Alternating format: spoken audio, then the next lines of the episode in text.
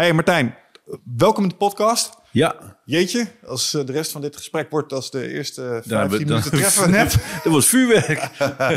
Strap in, boys and girls. Eh, dit wordt er eentje.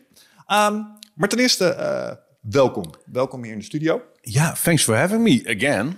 Ja, Eh, tof om, eh, om jou te mogen spreken. Ik baalde ervan dat ik er de laatste keer niet, eh, niet bij kon zijn. Want jij staat al vanaf dag één op onze wishlist. Seriously? Jazeker. What took you so long? Ja, dat, nou, wij waren nog niet klaar voor je, denk ik.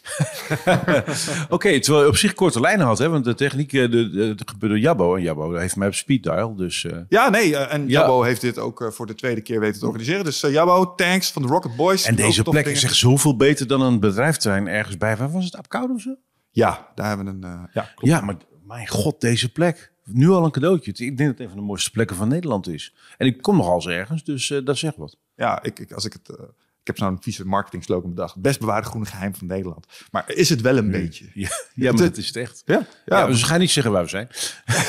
we houden het... Ja, anders staan ze hier straks voor de deur mee te kijken. Nee, maar eh, dus nogmaals welkom. En ehm, ik had het er straks al even gezegd. eh, we proberen onze gasten eh, voor te stellen aan de hand van een eh, tof cadeau. wat ik voor je heb georganiseerd.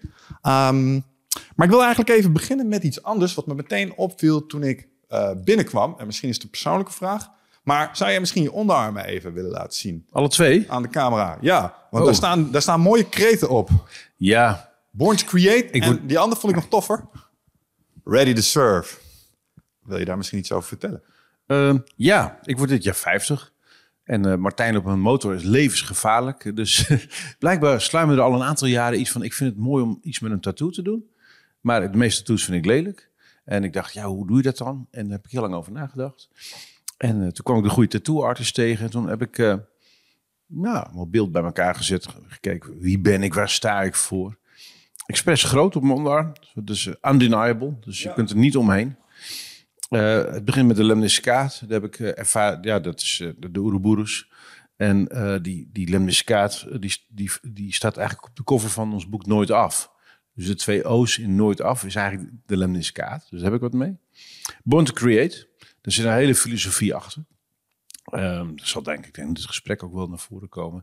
Ik ben er namelijk altijd van overtuigd, en wat voor shit je ook zit, je kunt er het snelst uitkomen door niet in die shit te gaan roeren, maar door er iets naast te bouwen. Dus ik geloof ongelooflijk in de kracht van creatie. En daarna staan drie boemerangetjes, heel klein, eh, als een soort asterix de- eh, erboven. En die heb ik in 98 laten ontwerpen al. Dus dat is een heel oud ontwerp, die horen bij mij. En die drie boemerangs die staan voor eh, dynamiek, beweging. Ehm, maar ook voor, het zijn er drie, mensen, informatie, ideeën. Dus die symboliseren mijn visie op de, het leven en de planeet. En dit heb ik nou, op mijn linkerarm neergezet. En de andere is, ja, ready to serve. En ik heb expres de, de twee Fleur de Lis het logo's ervoor en achter gezet. Symbolen van de oude Franse en Engelse koningshuizen, maar ook het logo van scouting. Want ja, ik ben een scout in hart en nieren. Ik wil, eh, ik wil de wereld om me heen ontdekken en meer leefbaar maken. En ready to serve eh, is dienstbaar, wat niet hetzelfde is als gedienstig. Dus om dat extra kracht bij te zetten, heb ik die Franse lelies ervoor en achter gezet. Omdat Juist. ik dienstbaarheid een hele belangrijke waarde vind. Ja, om dienstbaar te zijn moet je soms juist zelfs krachtig zijn. Ja, ja. Dus eh, nou, dat is het verhaal. Mooi, gaaf. Nou, dat vertelt me al, eh, al best wat over de manier waarop je denkt.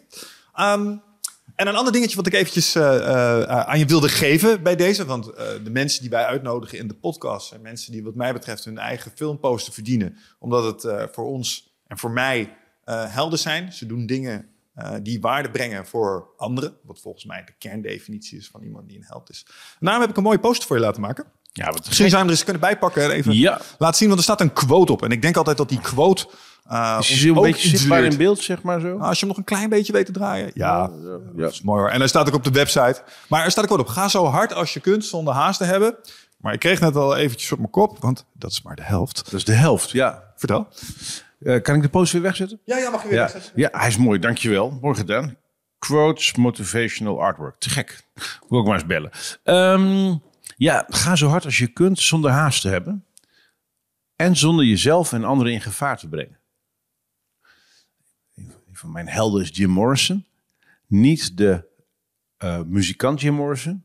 Die was oké is in dat tijdsgevricht. Prima, mooie nummers gemaakt. Maar dat, Ehm, ook niet de poëet Jim Morrison, maar de filosoof Jim Morrison. Dus Jim Morrison, ik weet niet hoe hij dat voor elkaar gekregen heeft, maar die heeft zeg maar eh, van de bela- 15, nee, van de belangrijkste eh 500 filosofische werken van de afgelopen 1500 jaar. Hallo, 1500 jaar. Die kende die gewoon uit zijn hoofd. Dat je denkt, wat? Nog een keer? Dus eh, ze ze hebben allemaal mensen geïnterviewd, later ook eh, professoren waar hij ooit eh, eh, bij liep. Hij zei, nou, wat die gast aan, aan intellectuele, filosofische bagage had. Die heeft gewoon stukken uit boeken uit 300 na Christus, eh, eh, eh, eh, laat-middeleeuwse geschriften, die was er ingedoken, had het geïncorporeerd. Alleen die Jim Morris natuurlijk heel tragisch als de club van 27, eh, ja, op zijn 27 aan zijn eind gekomen. Hij was echt opgebrand. Toen dacht ik, ja, het is leuk als je hard gaat, maar het moet niet ten koste gaan van je lijf en je gezondheid en ook niet ten koste van anderen. Dus ik vind dat nog een, eh, een soort, ja, belangrijke hygiënische toevoeging. Ga zo hard als je kan zonder dat je haast hebt. En zonder jezelf en anderen in gevaar te brengen. En dan hou je het langer vol. Ja, ja, je zei het net eh, in, de, in de voorgesprek, zei je ook al iets moois. Je moet aan gas niet trekken. Ja, gras groeit niet sneller als je eraan gaat trekken. Want mensen hebben altijd haast. En mensen verwarren haastig en snel altijd met elkaar. Maar dat is niet hetzelfde. Waar ligt het verschil?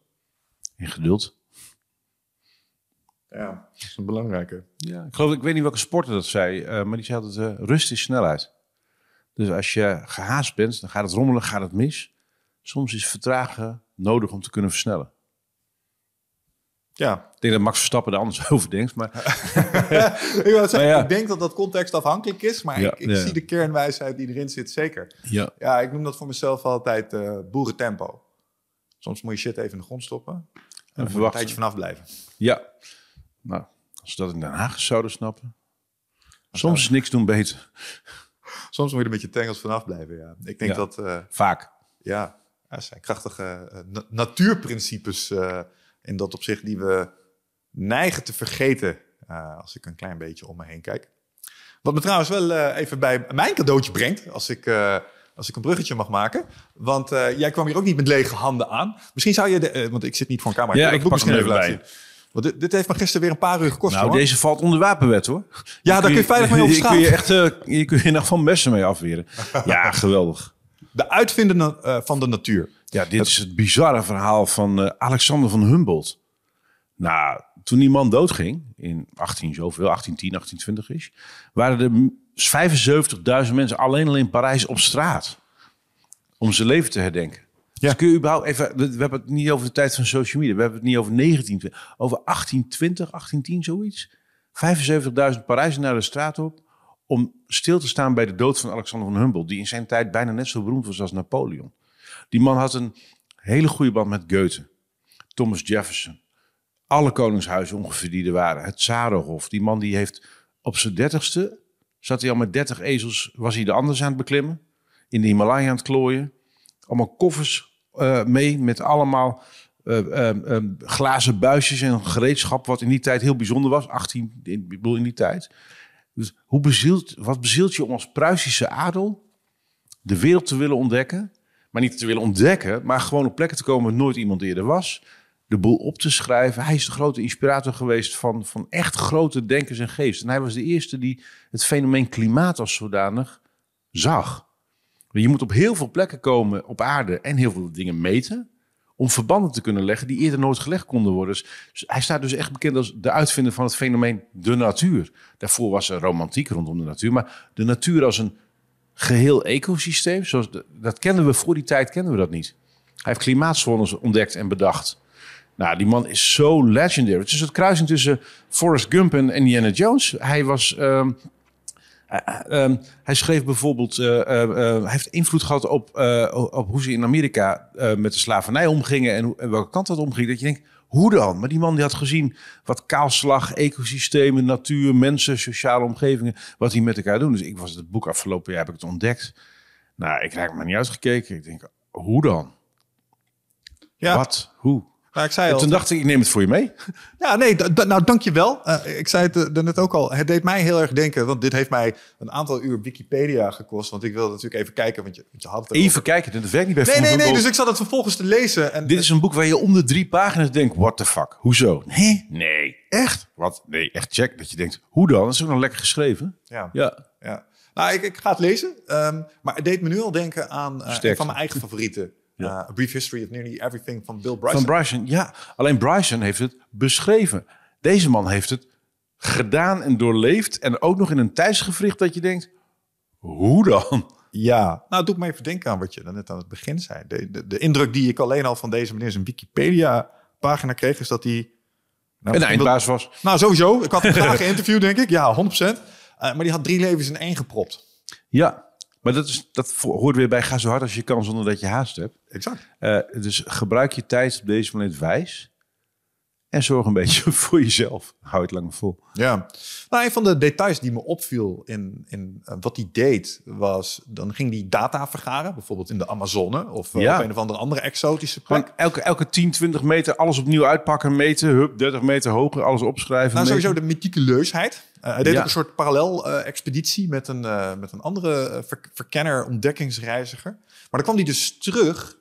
En dan was een van de eerste dingen die hij deed, eh, was zichzelf tijd gunnen om niet alleen zijn gegevens te verwerken, maar ook om weer... eh, dan, dan nam hij volgens mij vijf jaar de tijd voor Te om reflecteren. alle boeken weer Ja. eventjes, die er intussen ook waren geschreven over allerlei onderwerpen. En die kon je toen niet even googlen. Nee, nee, dat, eh, en een samenvattingsvideo kijken op YouTube. Nee, die moest je lezen. En dat, en dat, en dat incorporeerde hij dan in zijn hele wereld. Hij, ja, en, en, en wat zo maf was, want ik ben een groot bewonderaar van het leven en het werk van Da Vinci. Maar ik denk dat deze man belangrijker is geweest voor de wereld dan Da Vinci. Terwijl Da Vinci factor 100 keer beroemder is dan die van Humboldt. Terwijl de pinguïnsnaam van beroemd zijn, de Humboldt golfstroom, er zijn van alle. Maar de meeste mensen kennen dus de historische figuur Alexander van Humboldt niet. En nou, ik dacht, dat moet ik je meegeven. Dat is leuk. Ja, tof. Maar het, het is sowieso... ehm, het gaat over een periode die ik eh, zelf ook heel fascinerend vind. Omdat het was in een tijd dat er nog... En die is er nu nog steeds wel, maar minder. Er, er was meer mysterie in de wereld, omdat er nog onverkende stukken waren. Eh, er was nog zoveel niet bekend. Ehm, en ik, ik zit me dan af te vragen, eh, wat bezielt zo'n welgesteld persoon inderdaad om dat te doen? Want ik zou het nu nooit doen, maar ik denk dat het missende component is. Nieuwsgierigheid. gebracht. Nee, maar het is nieuwsgierigheid. Ja. En, en dat is een van de mooiste dingen die er is. Ja. Als je dat boek, ehm je zei het al, een aantal dingen waren echt mind-blowing. Ehm, wat was een van de grootste eye-openers die dit boekje in dat kader heeft gegeven? Ehm, dat, dat deze man het voor elkaar gekregen heeft... in een tijdperk voor social media, e-mail, al die dingen... om impact te maken op zoveel mensen die het, het moderne leven... eh, ja, mogelijk gemaakt, even de, de, eh, gemaakt hebben. Dus de impact die hij heeft op, denk, op wetenschappers, eh, eh, schrijvers zoals Goethe, of ik zei het al, Jefferson, Koningshuis, dat je denkt, hoeveel impact kun je hebben met alleen maar heen en weer rennen en gepassioneerd delen wat je hebt waargenomen. Ik bedoel, ik kom niet eens in de buurt van waar die man geweest is, maar de methodologie is hetzelfde. Ja, Rondrennen, slim verbinden van wat er al is, zichtbaar maken en daar gepassioneerd enthousiast over verhalen en bereid zijn van anderen te leren en open te staan. en bij de juiste mensen. Dat maakt alles. Ja, Zo bekend staan, want hij was ook raadsheer, kamerheer eh, bij allerlei grote koningshuizen. Wat ik echt fascinerend Dat je, overal en toegang. Duitsland en in Nederland dat je het oor van de koning hebt. Ja, maar, en, ja, maar en, en, en dat eh, zeg maar iets aan de hand is in eh, Amerika. Oh, dan hebben ze een nieuwe staat. Nou, prima, Verenigde Staten. Oh, jullie gaan een grondwet maken. Zal ik even meekijken en meedenken? Oh, misschien moet je hier even rekening mee houden. Dat met die slaven, ja, dat moet je eigenlijk maar niet doen. Gewoon dat je denkt, hoe dan? Ja, en wat ik daar ergens ook interessant... Dus ergens is het even, ondanks dat hij eh, misschien een volledig andere filosofie erop nahoudt... maar als ik probeer te denken aan iemand die zijn moderne evenknie daarin zou zijn... Kom, ik weet niet of dat terecht is, kom ik uit op Elon Musk. Ja, dat was, je begon deze zin, toen dacht ik, hij gaat nu Elon Musk zeggen. Ah, Dat klopt, alleen Elon is, die denkt ook groots. Eh, die is ook quirky. Maar ik, ik denk dat hij niet zo erudiet is als deze man. Erudiet, eh, wij, eh, wijs. be- be- be- ehm, ik denk dat eh, Musk is monomaner en zit in een veel beperkter spectrum. Ik, heb niet, ik, ik, kom, ik kom bij Elon Musk niet achter wat hij van mensen vindt. Dus de menskant van zo'n daden. Ik snap wel de, de hoog over planeetkant en zo. En die ambities, en die heb je soms ook nodig. Dus, dus, maar de, de, de, zeg maar de, de, de, de sociaal-psychologische kant daarvan... eh, en de empathische kant, dat weet ik niet zo goed. Maar dat weet ik van hem ook niet. Dus Ik heb met Elon Musk altijd een beetje... Ik heb dat met Zuckerberg nog meer, want dat is de meme natuurlijk. Maar ken je Star Trek The Next Generation? nee. Dat- Oh dit doet gewoon zeer. Maar eh, Star Trek The Next Generation, Picard, kale Nee, nee, nee, la- ik, heel eerlijk, eh, ik was namelijk altijd eh, van Tolkien en die wereld, daar kom ik vandaan. Oké. En ik heb pas anderhalf jaar geleden voor het eerst in mijn leven Star Trek gekeken. Of Cool. Star, nee, Star Wars gekeken, sorry, Star Wars. Hang on.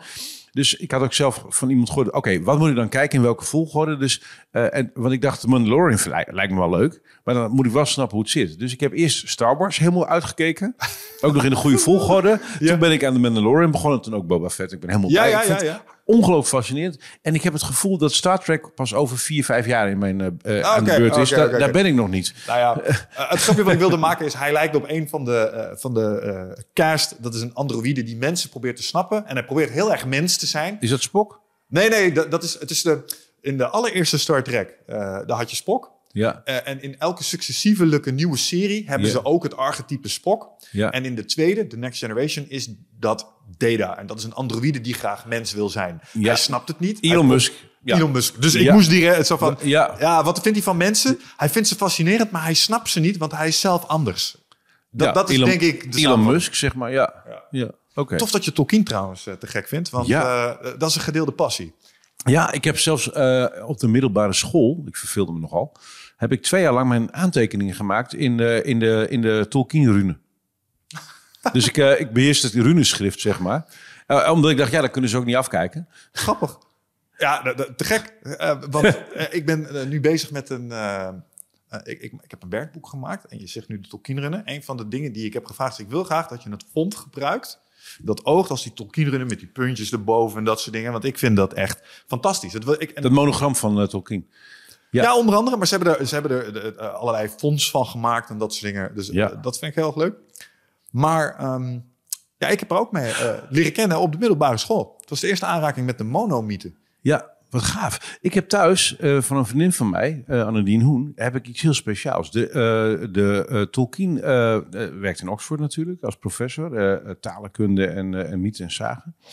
En ehm, eh, hij had een favoriete boom. En die boom is de boom waar hij de enten op gebaseerd heeft, die eh, wandelende boom in het boek. En die boom die is een aantal jaren geleden omgewaaid, net een week voordat die vriendin van mij daar was. En die had altijd een zakmes bij zich. En die heeft een stuk uit die boom gesneden voor mij. En die hangt nu thuis ingelijst. Plus de foto van Tolkien bij die boom. Dus ik heb de, een stukje van de boom van Tolkien in mijn huis hangen. Jij, jij hebt gewoon een stukje boombaard. Basically. Dude, dat is wel echt... Oké. Ja. Oké. Ik heb niet vaak last van afgunst, maar deze vind ik wel heel tof. ah, gaaf. Ja, nee, ik, eh, ehm, ik heb toevallig recentelijk een spel bedacht. Eh, ik noem het Boomherders. En eh, daar, daar kun je, als je wint, kom je in aanmerking voor de Boombaard Cup. Treebeard. Treebeard, ja. Want, Yes. eh, de, de enten. Er zijn vast allemaal kijkers die geen idee hebben waar dit over gaat. Nee, maar nou dan ja, doen, we, doen we dat in de show. Doen jullie show notes en zo erbij? Met oh ja, en en, zo? Oh, nou ja, als je inmiddels Ja. na zoveel jaar eindbaas luistert niet wist dat ik Tolkien en Lord of the Rings en zo tof vind, dan had je niet opgelet. Ehm, en een van de dingen van de, ik denk de kracht van de show is dat we dit soort zijstraatjes gewoon kunnen nemen als we daar zin in hebben. Oh, wat leuk. Dan ga ik het nog leuker maken. Ehm, want die drie boomerangs die ik hier heb staan, dat is, dat is het logo van Elvenstone. En Elvenstone is het metanetwerk wat ik in 98 ben begonnen te bouwen. En Elvenstone komt eh, van ehm, Elessar. De bijnaam van Aragorn in de taal van Hoge Elfen was Elessar. En dat was elfs voor elfsteen. Maar dat vond ik niet mooi, dus ik heb de elfen met een V van gemaakt, stone. Dan wist ik zeker dat ik een origineel woord had. Dus Elvenstone is mijn, de naam van mijn stichting, is de naam van mijn organisatie. Dus ik heb het Elvenstone Network. En, dat, en als je naar elvenstone.com gaat, dan zie je de tekst die ik in 98 geschreven. Dus dat is de kern, in drie zinnen, van wat ik aan het doen ben. Tell me. Ik heb al heel lang niet op die tekst gekeken. ik heb de internetverbinding hier uitstaan, dus Volgens ik kan even niet verkijken. Maar je mag je telefoon erbij pakken voor deze als je wil. Die heb ik ook uitgezet. Ah, Oké, dat-. Ja. Oké, nice. Maar en, en het was eh, het naam voor wat je zei, je, je netwerk. Ik, ja, dus ik heb in, in, eh, in 98 bedacht, ik moet iets creëren wat niet bestaat, maar zo krachtig is dat, dat te, zo groot is dat je moeilijk kan ontkennen dat het er is, maar je kunt het niet pakken. Het is een organic and fluid network of people. Uh, en Elphinstone Networks en, en, uh, is niet iets wat je kan inhuren. Ik heb geen bedrijf, het is geen netwerk, je kunt er ook niet lid van worden. Maar wat ik altijd zei, als je met meer dan vijf mensen uit dat netwerk regelmatig iets doet, dan denk ik dat je er wel in zit. Dus ik heb een netwerk gebouwd van netwerken. En wat is het doel van dat netwerk? De wereld leuker en beter maken. Klinkt goed. Dus dat is het gewoon. En de grap is, daar heb je mensen voor nodig, informatie nodig en ideeën voor nodig. Dus het mijn heilige drie-eenheid van dynamiek. Als je een probleem wil oplossen, je wil een kans verzilveren of je wil Mission Impossible doen, die ik de leukst vind. Je hebt mensen nodig die je niet kent, je hebt informatie nodig die je niet hebt en je hebt ideeën nodig waar je niet opgekomen bent. En die heb je alle drie nodig. Want veel mensen kennen, daar heb je geen zak aan. Je moet weten wie je wanneer, in welke volgorde, op welke manier je zo kan bellen dat je ze in beweging krijgt voordat je een kwartje ingooit. Ideeën heb je geen zak aan, maar je moet ze materialiseren in het hier en nu. En daar heb je informatie voor nodig. Voor mij is informatie de brug tussen mensen en ideeën. een idee is niks anders dan gecombineerde, samengestelde informatie. Mooie combinationen. Maar je hebt ook weer mensen nodig. Daarvoor heb je sociale, strategische, tactische, uh, inhoudelijke kennis en informatie nodig. En dat is precies waarom ik zo heilig geloof in, in die informatiesamenleving en in die netwerksamenleving. Dus mijn hele oeuvre, alles wat ik geschreven heb, gezegd heb, gedaan heb, dat is voor mij allemaal terug te brengen naar die drie elementen de drie-eenheid van dynamiek. Mensen, informatie en ideeën. Dus alles wat ik doe gaat over het vergaren van informatiekapitaal, om daarmee sociaal kapitaal te verwerven, om daarmee dingen in beweging te krijgen. Dus die monetaire kapitaalkant, die vind ik eigenlijk de minst interessante, want die is eindig. Monetair kapitaal, geld, ja, als je dat niet hebt kun je niet beginnen. Was, het, was vroeger zo. En als, je, en als het op is, moet je stoppen. Maar in die netwerk- en informatiesamenleving is dat al heel lang niet meer waar. Sociaal kapitaal. met, met monetair kapitaal kun je vooraan zitten op een VIP-plaats bij een concert van de Stones. Met sociaal kapitaal kun je backstage biertje drinken met de jongens. Dus sociaal kapitaal is, is vele malen krachtiger op een bepaalde manier dan monetair kapitaal. Dus ik ben mijn hele leven, echt al 20 jaar, 25 jaar bezig met uh, sociaal kapitaal en informatiekapitaal. En de rol die technologie daarbij speelt om dit in handen van meer mensen te geven. Gaaf. Ja, en ik. Um, even een stelling bij je toetsen. Klopt het dat we als maatschappij, mens, individu, een organisatie dat vermogen tot netwerken en op die manier samen problemen oplossen, dat dat een beetje aan het vertroebelen lijkt? Nou ja, ik heb nooit iets met organisaties gehad, ever. Even organisaties bestaan namelijk zowel wel als niet. Dus ik kan niks met organisaties. Ik kan wel iets met mensen, maar organisaties, I couldn't care less. Ik heb wel heel veel met organiseren. Maar en organisaties en organiseren, die woorden lijken heel erg op elkaar. En daartussen zit allemaal complex gedoe. En office politics en belangen en status en al die shit. Mm. Maar ik denk dat we niet langer organisaties nodig hebben om dingen georganiseerd te krijgen. Sterker nog, dat zien we in toenemende mate. Dus dat is waar ons boek Easycratie over ging. Uh, dus zeg maar, wat komt er na bureaucratie? Nou, easycratie is als je dingen zonder geld en papier kan doen. dat is niet altijd mogelijk en niet altijd wenselijk, maar in toenemende mate wel meer mogelijk. Mhm. En ik denk dat, je, dat, dat als je naar alle grote systeemvraagstukken kijkt, zorg, onderwijs, duurzaamheid, uh, nou, politie, dat zijn in de kern bureaucratische vraagstukken. Van de kennis is er, de mensen zijn er, de informatie is er, de ideeën zijn er, de urgentie, noodzaak, passie, technologie, daartussen zit bureaucratie. En ja, hoe maak je een, een bureaucraat onschadelijk? Nou, dan doe je dingen zonder papier en geld. Want ja, dan is de bureaucraat machteloos.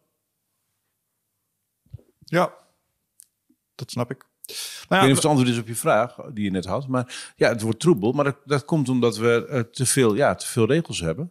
Nou, waar ik nou op zoek ben, is, is, het, is um, Kijk, eh, je hebt, ik heb hier een, uh, een ander mooi boek voor me liggen. Ons werk is stuk. En je hebt een, uh, een toffe podcast, Werken aan Nederland. En dat is een zoektocht op de arbeidsmarkt. En die beide dingen hebben met werk te maken. Nou, wacht even. Dan moet ik even recht doen aan, aan de ander. Die Werk aan Nederland podcast is een initiatief van de werkvereniging. Okay. Dat is een club die op een andere manier naar, naar um, moderne werkenden kijkt... dan het klassieke frame werkgever-werknemer. Mm en uh, die podcast maken we samen met Roos Wouters. En samen doen we werk aan Nederland. En daar zitten we ons af te vragen...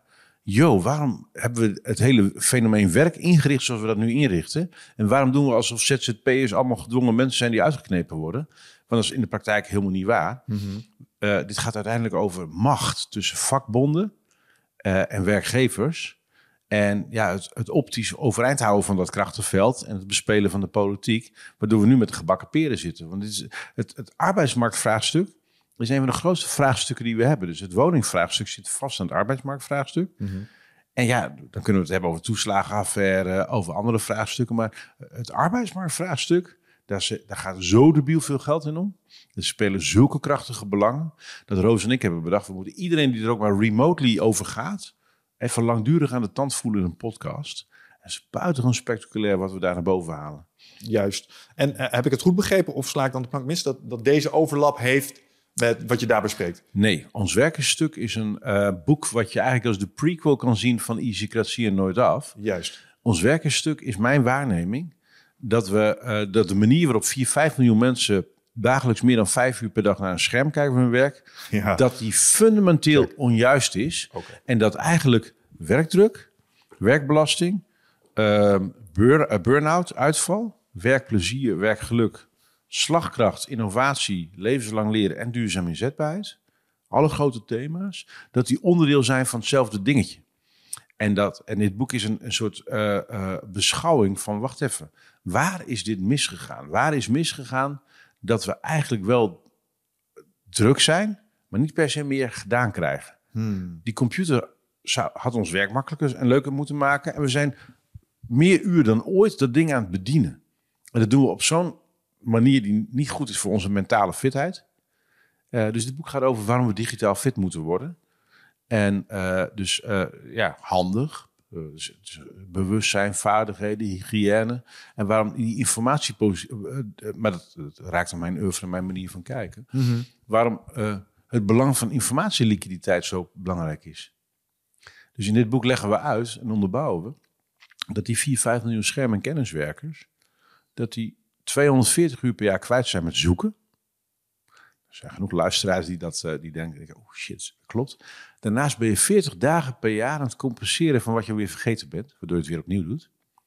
En gehandels met de computer, ook jij, kost tussen de 40 en de 400 uur per jaar. Als je dat bij elkaar optelt, is dit het enige echt grote vraagstuk in de organisatie, omdat de rest daar afgeleiders van zijn. Want als je dit fixt, heb je genoeg mentale ruimte om het te fixen. Mm. En heb je meer slagkracht, heb je veel minder nodig. En dat vind ik echt heel fascinerend. En de grap is, ik, uh, heel veel mensen beginnen langzaam te ontdekken wat ik probeer uit te leggen en hoe dat in elkaar zit. En ik heb geen gelijke, maar ik heb wel een punt. Maar wat wij hebben waargenomen, dat is iets waar de meeste organisaties, zeker in coronatijd, volledig aan voorbij gegaan zijn. En dat vind ik heel fascinerend. Hmm, interessant. Nou, laten we daar eens even beginnen. Want ik vind beide onderwerpen vind ik interessant. Ik heb ze ten onrecht op één stapel geveegd, maar dan gaan we ze weer even uit elkaar splitsen. Ja. Even beginnen bij het begin. Want um, ik kan me nog een training herinneren, twee jaar geleden of zo, anderhalf jaar geleden. En toen zei ik iets bouts. Toen zei ik uh, vierdaagse werkweek met vier uur focustijd per dag zou volkomen te doen moeten zijn. Ja, dat klopt. Toen had ik uh, van de twaalf deelnemers had ik een negen op de kast. Uh, ja. en, en, toen heb ik iets gedaan waar ik nu nog steeds soms van, ken je dat? Dat je iets doet waarvan ik denk, kut, had ik niet moeten doen. Toen, toen ben ik op mijn schreden teruggekeerd voor de groep. Zeg, nou oké, okay, nou misschien bij jullie dan niet. Maar eigenlijk dacht ik, ja, wel... wat fucking gelul, dat is wel zo. Ja, maar dat klopt. Ik ben ja. het met je eens. Waarom is dit wel zo? Nou, dat is vrij, vrij overzichtelijk. Uh, een kwart van alle energie die jij verstookt met je lijf, verstook je met je brein. Ja, dan misschien deze sessie voor de luisteraars even 30%. Normaal is het een kwart. Uh, dus ons brein consumeert ongelooflijk veel energie. Gewoon biogenisch, ATP'tjes, gewoon energie ben je aan het verstoken. Dus denken kost veel energie. Nou is het zo dat het grootste deel van ons brein is gevormd in het Pleistocene. Dat is de periode van 1,8 miljoen jaar tot 10.000 jaar geleden. Wat waren wij toen aan het doen? In die periode, 1,8 miljoen jaar geleden tot die 10.000 jaar geleden. Wat deden, wat deden wij op aarde? Jagen, verzamelen. Oké, okay. en wat heb je nodig qua brein voor jagen en verzamelen? Visuele cortex. Ja, ja ruimte, visuele cortex. Ja, ja. Ruimtelijk visueel geheugen. Je moet heel snel um, optisch dingen in het landschap om je heen kunnen herkennen en klassificeren en daarop kunnen handelen. Dus uh, technisch gezien noemen ze dat landmarks en layouts. Dus uh, net als die kaart van Winnie de Pooh. Uh, bij de grote boom woont Ior en bij het bruggetje kun je poetakje spelen. Uh, Oké, dus wat deden wij? Jagen, verzamelen. Uh, bij die rots daarachter moet je in de buurt komen, want daar zit de vijandige stam. Die vinden ons niet leuk, dat is niet zo goed voor onze gezondheid. bij die grote boom daarachter moet je in het voorjaar even uitkijken, dan wordt de beer wakker. En dat is niet heel gezellig. En als je als de maan daar is en de zon daar ongeveer, in die periode van het jaar moet je daar zijn voor de blauwe bessen. Dus wij zijn getraind in het grootste deel van ons bestaan in ruimtelijk visueel geheugen. Die is een van de redenen waarom je waarschijnlijk geen uh, sokken bewaart in je koelkast. Dat is namelijk niet logisch. Dus wij leggen dingen neer op een logische plek en dan kunnen ze optisch snel herkennen. En dat is gewoon een manier van die logisch is. Die kost dus minder energie. Het grootste deel van, een groot deel van ons werk, zeker met schermen, doen we met onze uh, prefrontale cortex. George Miller heeft al lang geleden bedacht, daar kun je eh, ontdekt, je kunt 7 tot 9 items ongeveer tegelijkertijd bevatten. Het is je werkgeheugen van je brein. En uh, het werkgeheugen van je brein is eigenlijk je, RAM-geheugen, als je het even heel simpel uh, maakt. En net als een computer, je kunt meer RAM-geheugen erin zetten bij een computer, bij mensen kan dat niet. Het RAM-geheugen is waarom als je 200 tabbladen opengooit, je e-mailprogramma het niet meer doet. Je werkgeheugen zit vol. Nou, wij hebben dus ook een werkgeheugen, het jongste deel van ons brein zo'n beetje, de, prefrontale cortex. En die zijn we voortdurend vol aan het stoppen en het overbelasten. David Allen zei daar in zijn boek Getting Verdant iets zinnigs over. We zijn zo druk met alles dat we aan dingetjes denken in plaats van over dingen nadenken. Nou, dat was in die tijd van Van Humboldt natuurlijk iets heel anders. Dus we hebben geen ruimte meer, geen mentale ruimte om over dingen na te denken, want we zijn de hele tijd overbelast. Nou, dan zijn we ook nog verslaafd geraakt dankzij de smartphone en alle platforms aan dopamine shotjes. Ik wil een like, ik wil een share, ik wil een tweet. Hoe, hoe doe ik het? Hoe doen anderen het? Dus al die shit krijgen we erbij.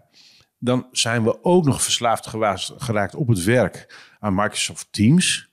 Nou, we hebben het internationale strafhof in Den Haag. Nu moeten we alleen nog het verplicht gebruik van Teams aanmerken als misdaad tegen de mensheid. Want, want, want serieus, op het moment dat je mensen verplicht twee, drie, drie uur per dag met Teams met elkaar te videobellen.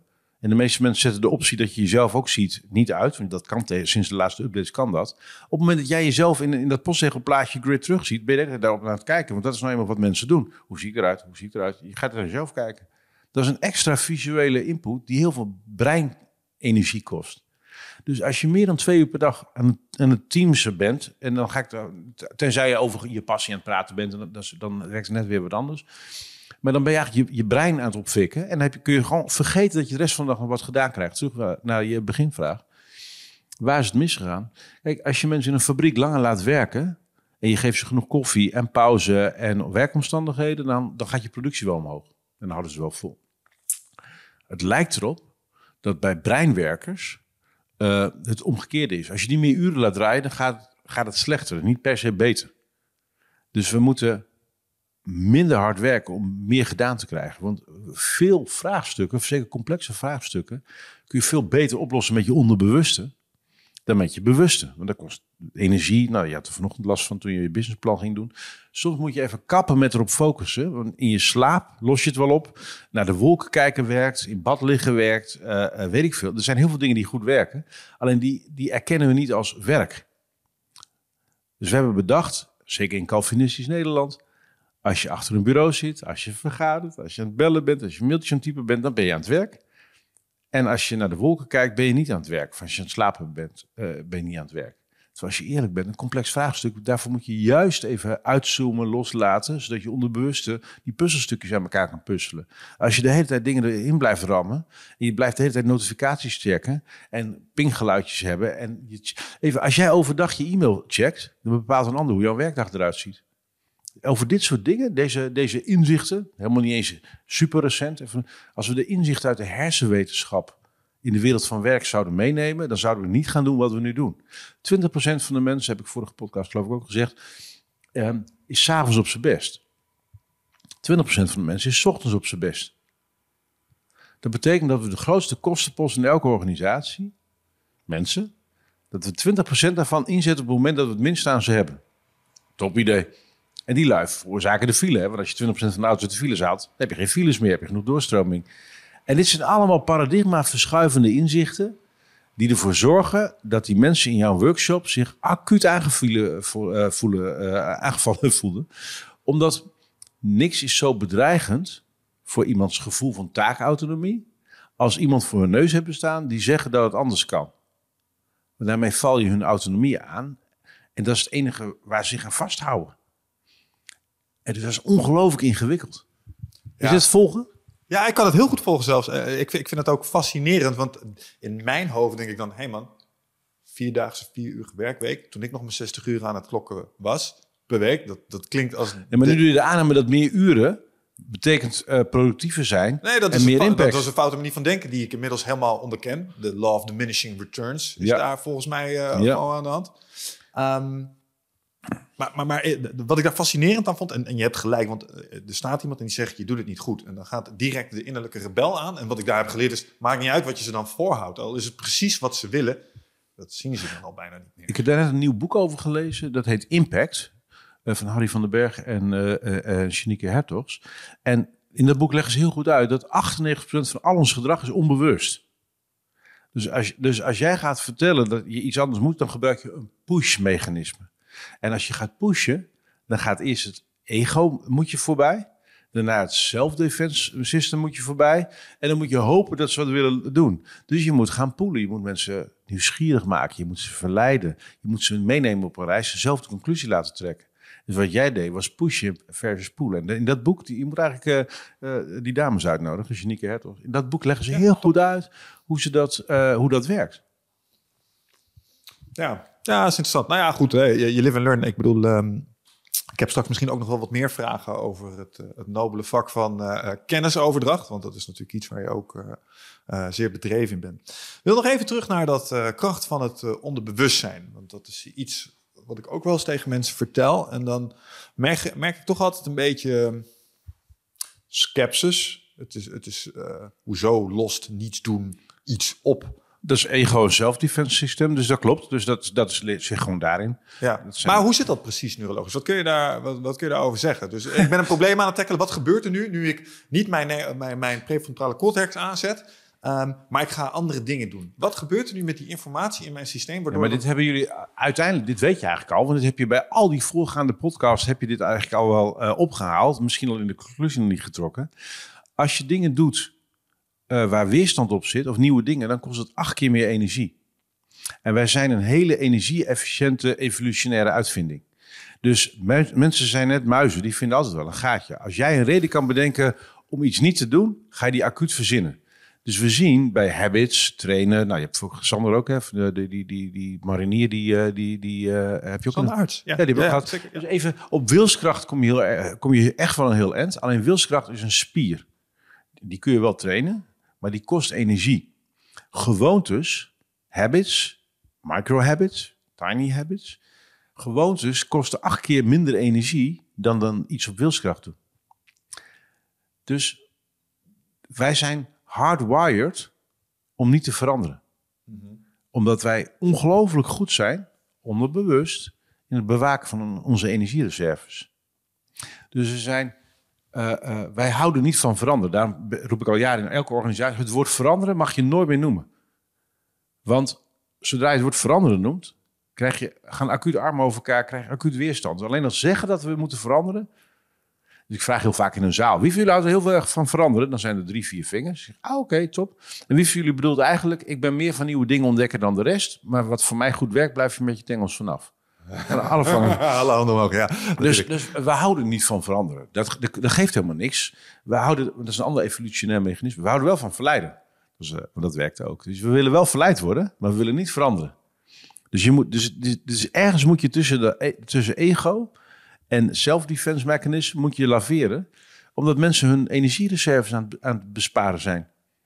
Want veranderen kost weerstand en energie. En daar heb je niet onbeperkt van. Dus daar gaan mensen heel verstandig mee om. Ja, Can't blame them. Ja, nee, nee, 100 procent.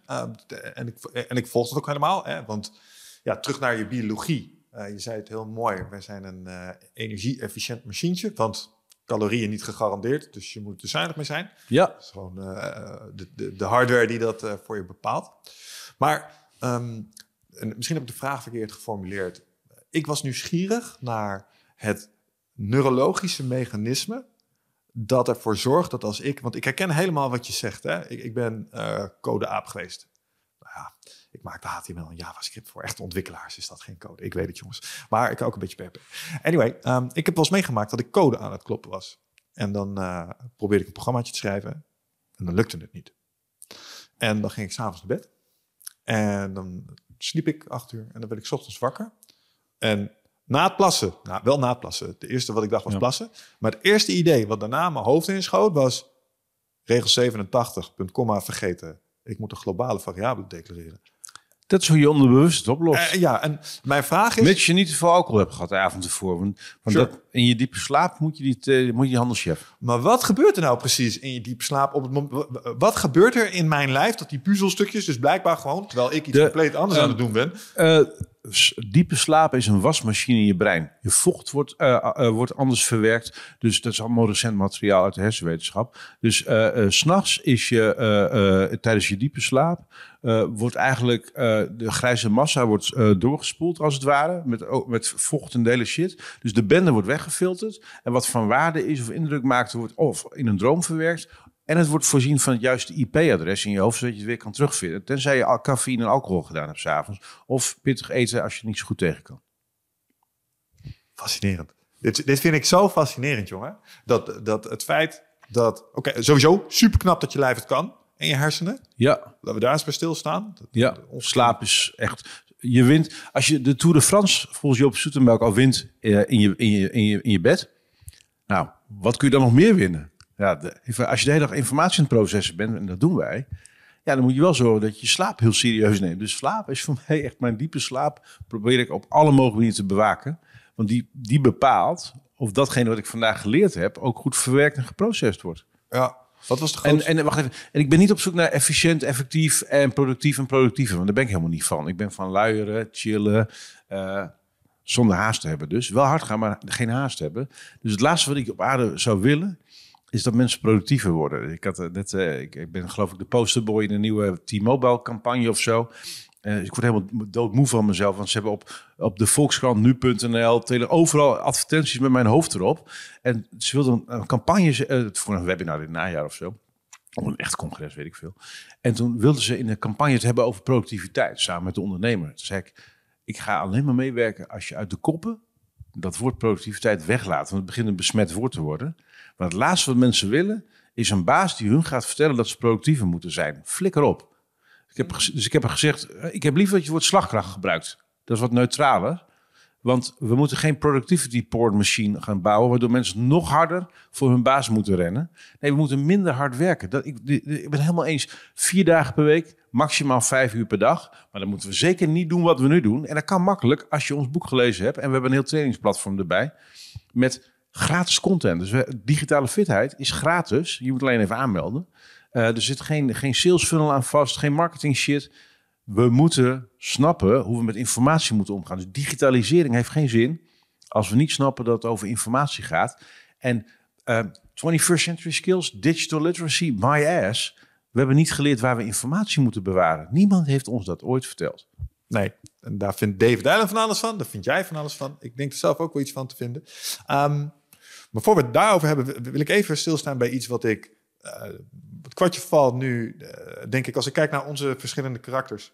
Eh, toen we het hadden over productief, slagkracht en ehm, zeker niet productiever willen zijn. Zeg nog zo min mogelijk, zo- zonder haast te hebben.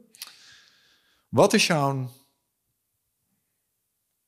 drive daar? Wil jij Kijk, als, ik kijk naar mezelf naar productief, dan denk ik, ja man, ik wil productief zijn. Waarom? Nou, ik heb bepaalde dingen die ik graag geregeld wil zien. Snap je? Ik heb gewenste uitkomsten om het in Ja. eh, getting things done. En die zou ik graag zo voorspoedig mogelijk eh, willen bewerkstelligen. En ik denk dat er manieren zijn waarop ik mijn arme apenbreintje dat eh, slimmer kan laten doen. Maar, maar, en daarmee kan ik dus meer gedaan krijgen in een uur. Snap je? Wist jij dat ik dat boek naar Nederland gehaald heb? Getting things done. Ik heb het voorwoord geschreven. Nou, dan ben jij eh hoogstpersoonlijk verantwoordelijk geweest voor het redden van mijn is- eh, maar- leven. Nee, maar dat, dat is echt zo'n goed verhaal. Eh, het was in 2005. Ik woonde toen nog in Groningen. En ik kwam bij de slechte. En internet was toen nog niet waar we nu waren.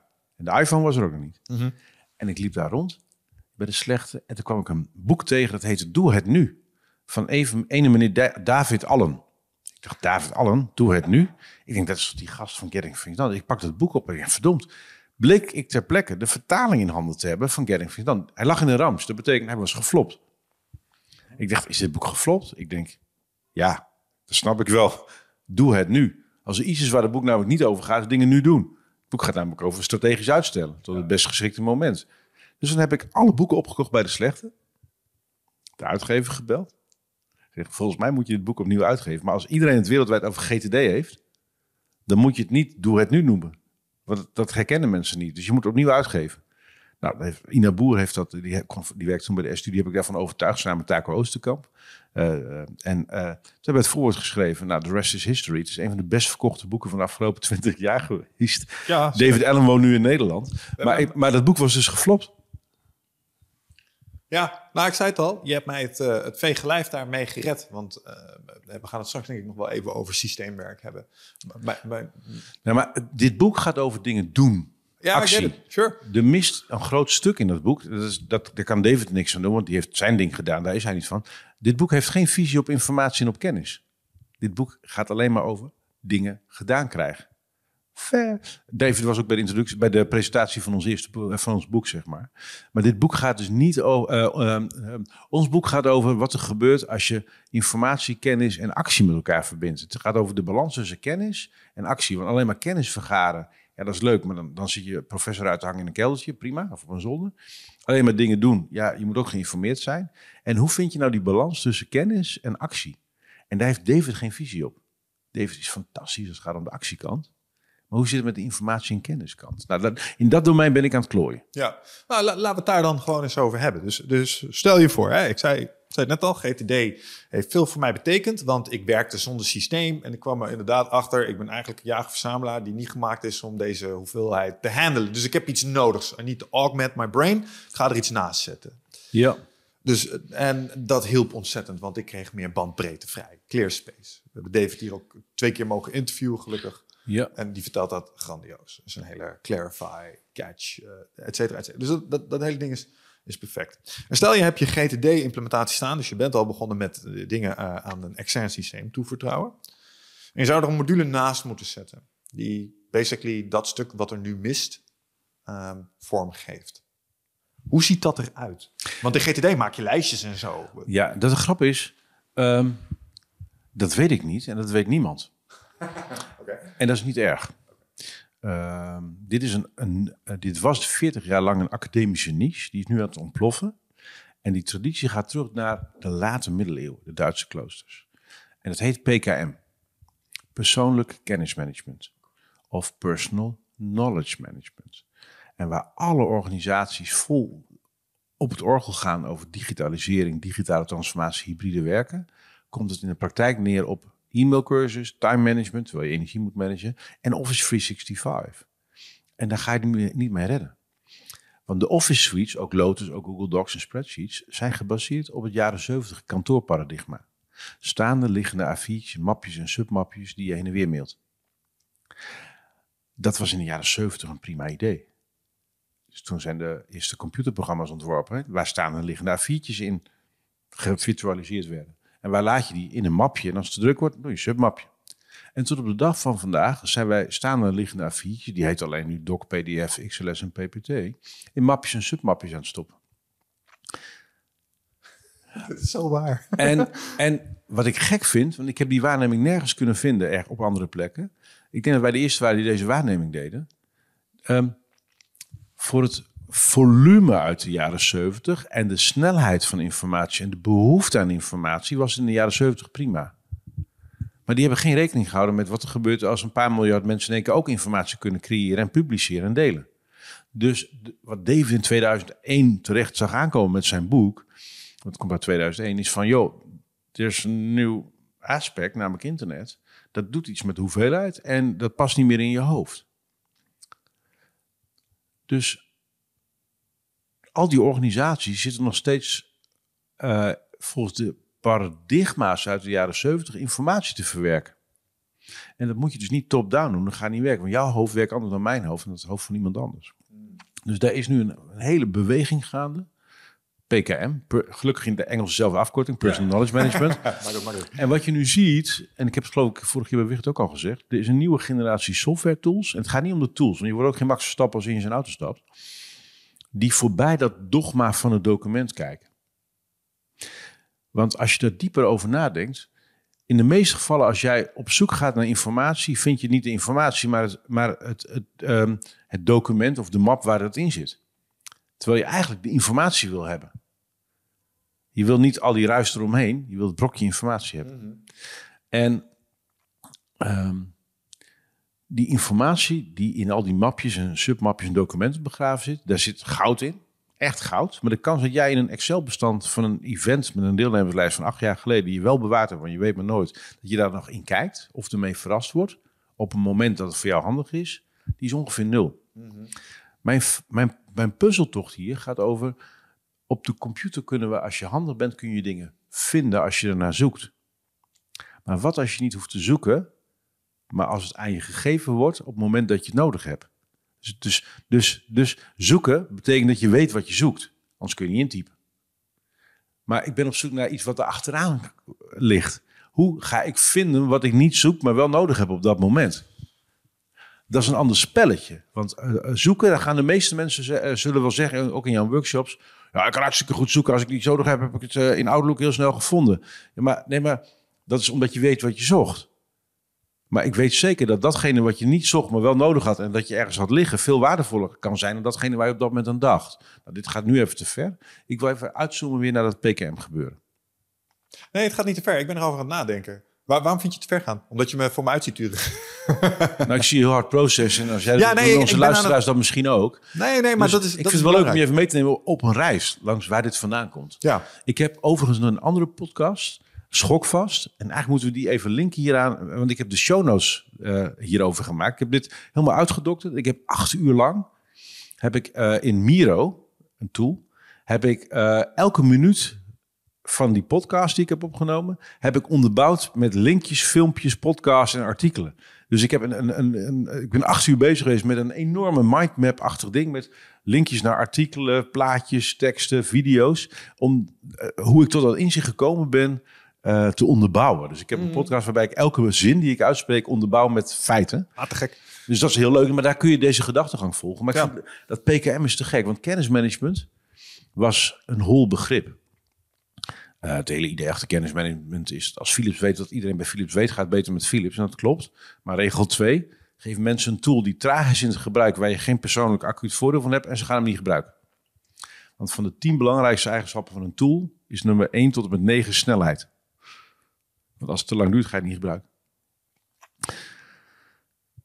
Dus wat ik mis bij digitalisering, digitale transformatie, hybride werken, kennismanagement, is het woord handelingsperspectief. Als Mien van de receptie en Erik van de administratie er niks mee kunnen, dan heb je er geen zak aan. Flikker op met je bullshit. Eh, leuk dat je geld krijgt, een budget en al die vergezichten en AI en blockchain. Maar zolang 65% van de mensen op de werkvloer niet weet wat ALTAP is, en dat is zo, hebben we een probleem omdat het een belangrijke indicator is van 200 andere dingen die ze ook niet kunnen. En als je dat niet kan, kun je eigenlijk niet zo goed informatie hanteren die digitaal is. Dus dat moet eerst. Heel onpopulaire mededeling. Willen mensen ook niet. Super confronterend. Dus ik kom zelf dingen tegen als jij net in die workshop. Ja, maar ik kan heel goed mailtjes zoeken en typen. Ik zeg, nee, maar je moet geen mail meer sturen. Nou, dat is voor mensen al heel ingewikkeld. Want voor elke mail die je stuurt, krijg je er 1,3 terug. Dus, dus, dat, dus dat gaat het niet oplossen. En er zijn jonge mensen, misschien ook luisteraars, die denken dat e-mail en werken hetzelfde is. Nou, dan zijn we ver van huis. Daarvoor zijn we niet op aard. Bang. Oh, Dus- dit is goud dit. Dus even, George Bush senior verloor de verkiezingen van Bill Clinton, omdat hij een slogan had, die deed het als een malle. It's the economy, you stupid. Toen dachten de Amerikanen, ja, dat is zo. Hup, Clinton. Maar ik zou hier willen roepen, vergeet tools, vergeet technologie. Het gaat om informatie. Dus we zijn 40 jaar lang achter technologie aangerend in het IT-landschap. En dat heeft ons niet verder gebracht, vind ik. We zijn de I vergeten van informatie. Nou, PKM, de P staat voor persoonlijk, daarom is er geen oplossing. Antwoord op je vraag van daarnet. Ik weet niet welke informatie voor jou voor jou van waarde is, van betekenis is, strategisch handig of relevant, of operationeel handig of relevant, waar je die moet laten hoe je die organiseert. Ja. Dus dit gaat uiteindelijk over iets wat ze met een duur woord noemen een persoonlijke ontologie. Ons brein werkt meer ontologisch dan taxonomisch. Nou, wat bedoel ik daarmee? Een taxonomie is, uh, we hebben een dier. Uh, het dier uh, valt onder reptielen en onder reptielen heb je een subsoort, dat zijn slangen. Maar een slang is geen krokodil, even heel simplistisch gezegd. Dus iets valt ergens onder en kun je klassificeren. In een ontologie geef je betekenis aan iets wat meerdere, kan, past iets in meerdere hokjes. En dat is ook hoe ons brein werkt. En waar we naartoe moeten is onze persoonlijke ontologie. Maar daar heb je nog nooit in je hele leven over na hoeven denken. Hoe noem ik iets? Hoe, hoe, hoe, hoe heten alle brokjes informatie? Want op dit moment denk je alleen maar in mappen, submappen en documenten. Jij denkt nog niet in brokjes informatie. Misschien wel in taken en in tags. Sommige mensen ook die luisteren. Maar ik, ik, ik daag je uit om nog eens verder te gaan kijken. Nou, dat hele fenomeen. Uh, ik, ik kwam Bart van der Meij tegen. Uh, die ken ik al heel lang. En die liet mij een presentatie zien uit uh, 2007. Toen had ik net met Frank Meersen lifehacking.nl opgericht. En hij liet een presentatie zien waar het woord Elphinstone in voorkwam. Nieuwe garde, lifehacking en het woord PKM stond daar. Dus ik heb in 2007 voor het eerst over PKM gehoord. En dat woord heb ik vergeten. Ik heb de betekenis niet opgepikt. En pas drie jaar geleden zag ik het licht. En nu denk ik, over vijf jaar heeft iedereen het over PKM. Daarna pas over TKM, teamkennismanagement. En daarna pas over OKM. Dus wil je de slag winnen in een bedrijf of in een organisatie, moet je eerst bij de P beginnen, dan bij de T van team en dan bij de O. Als je bij de O begint, ben je iedereen kwijt. Want als je er niks aan hebt, ga je het Ja, niet doen. ja, ja, ja, ja. Terug even naar die laat waar dit vandaan komt. Als je het leuk vindt. Ja, nee, ga door. Korte ik zit gefascineerd te A luisteren. brief Dus, history. Eh, Bill Bryson, nee. Ehm, in de late middeleeuwen, in de Duitse kloosters, begonnen ze te klooien. We weten helaas van de Duitsers, ik heb in de Tweede Wereldoorlog gezien dat klassificeren ook te ver kan gaan. Eh, die, waren aan het, eh, die waren aan het uitvogelen hoe ze konden klassificeren. Met kaartjes en index en dat soort zaken. Dat werd in begin 1900 werd dat het zettelkastenprincipe. Eh, ik ben even de achternaam van die gozer kwijt, staat wel ergens in de show notes. En die man had een manier bedacht met een indexkaartje van ik, ik schrijf een brokje kennis op. En als hij iets nieuws leerde of ontdekte, zei hij hoe verhoudt zich dat tot dat kaartje? Had hij een codersysteem bedacht. Dus hij had een hele kamer vol met 80.000 kaartjes met nummertjes erop. En die kon alles terugvinden. Duurde even, maar dan wist je precies, oh dit hoort daarbij. Dus zo bouw je aan je body of knowledge. Nou, dan moet je een beetje koekoe zijn en maf. En, en die man die deed dat in de jaren 80. Het was een Duitser, die deed die meticulous. la Humboldt. En toen in één keer hadden we de Tweede Wereldoorlog. En in de Tweede Wereldoorlog was er een gozer. En die moest namens het Amerikaanse eh, defensieapparaat alle wetenschappelijke st- studies van het Amerikaanse leger in de Tweede Wereldoorlog overzien. Waar hebben we het dan over? We hebben het over het begin van radar, sonar, eh, eh, raketten, vliegtuigen, onderzeeboten, kernbommen, weet ik veel wat. Er liepen op, op het hoogtepunt 2000 verschillende wetenschappelijke projecten. Dus onderzoek en uitvoering. Eh, en de man die dat moest overzien eh, was Vannevar Bush. Die Vannevar Bush eh, werd later de, volgens mij de eerste baas, ik weet niet of het helemaal klopt, maar voor mij klopt het, de eerste baas van MIT. Nou, dat is het beroemde Massachusetts Institute of Technology, waar een hoop computerdingen vandaan gekomen zijn. En die man die, die dacht, dit past niet meer in je hoofd, dit, moet, dit moeten we oplossen. En die kwam met de visie van de MEMAX, de Memory Extension. Daar is het begonnen. En hij schreef in 1946 een artikel in The Atlantic. Dat heette As We May Think. En daarvoor zag hij een, een machine met gelinkte, aan elkaar verbonden informatie. Dus hij was weer wat verder iteratief in zijn denken dan die meneer van dat zettelkastenprincipe. En dat artikel in 46 heeft in 1960 direct geleid tot de uitvinding van de hyperlink. De twee gozers hebben dat bedacht in 1960. En nou komt het. Die hyperlink hebben we verkeerd begrepen. We hebben de visie erachter gemist. Dus de hyperlink gebruiken we alleen om op het web naar buiten te linken. Van A naar B, naar C, naar D kun je heel lang surfen. Nou, dat kennen we allemaal. Maar we hebben hem intern niet gebruikt. Er zit geen enkele link tussen eh, een Excel-bestand van acht jaar geleden in submap 15, een Word-document van twee jaar geleden in submap 3 en submap 1 een PDF van vorige week. Als in al die documenten mijn naam voorkomt, heeft jouw computer geen idee dat die Martijn Aslander dezelfde is. Dus dat is 80% redundant informatie op je harde schijf, die totaal niet verbonden is. Dus waar we nu bijna zijn, is dat we eindelijk de hyperlink intelligent kunnen gebruiken voor onze eigen informatie. Maar dan moeten we wel nadenken over die informatie. Nou, toen waren we in de jaren 70. Toen hadden we in één keer uh, de eerste computerinterfaces. Toen zei David Allen, dit is too much, getting things done. En toen was het 2008. En ik was erbij. Toen Evernote begon. Zeker nog, ik heb Phil Libin van Evernote naar de eerste Getting Things Done conferentie in San Francisco gehaald bij David Allen. En ik was daar samen met Frank Meus en Taco. Dus ik heb die jongens van Evernote gebeld. Jongens, jullie moeten naar die conferentie van David Allen. Dat kon wel eens een goed idee zijn. Mm. Dat bleek ook zo. En Phil Libin zei over Evernote... I want to be your second brain. De second brain, Mimex, Zettelkasten. Ik dacht, ik zie het hem nog doen ook. Dus ik heb een dure scanner gekocht. En ik heb 20 jaar archief gedigitaliseerd. En in één keer kon ik dat binnen één of twee minuten terugvinden. Evernote was heel lang fantastisch. Nog steeds een geweldige tool. Maar het is de archiefkast waarvan je zeker weet, het is je kelder, bomvrij, lucht- en waterdicht. Je weet, daar ligt het, dat zit goed. Triple redundant, gebackupt en whatever. En als ik iets zoek, ga ik het vinden.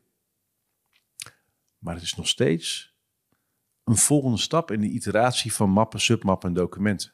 OneNote, Google Keep, Evernote, dat zit nog steeds in dat paradigma van mapjes, submapjes en documenten. Mhm. En wat er nu aan de hand is, Workflowy, Rome Research, Miro, Notion, Obsidian, is een lichtjaar verder en, een, en de goede implementatie van de hyperlinks. Dat noemen ze de bidirectionele link. Waardoor je kan zeggen, dit blokje informatie heeft met dat stukje te maken. Nou, daar ben ik ingedoken. Ik heb daar een hele, heel platform voor gebouwd. Ik heb ook uh, de Koninklijke Nederlandse Vereniging van Informatieprofessionals, de KNV, daar heb ik drie documentaires mee mogen maken. Daar ben ik uh, fellow. En dit is de, de, die bestaan al, al, weet ik van 90 jaar of zo. Dit is de vereniging van de DIFFers, de dienst informatievoorziening. Clubs van grote organisaties. documentalisten, bibliothecarissen, archivarissen.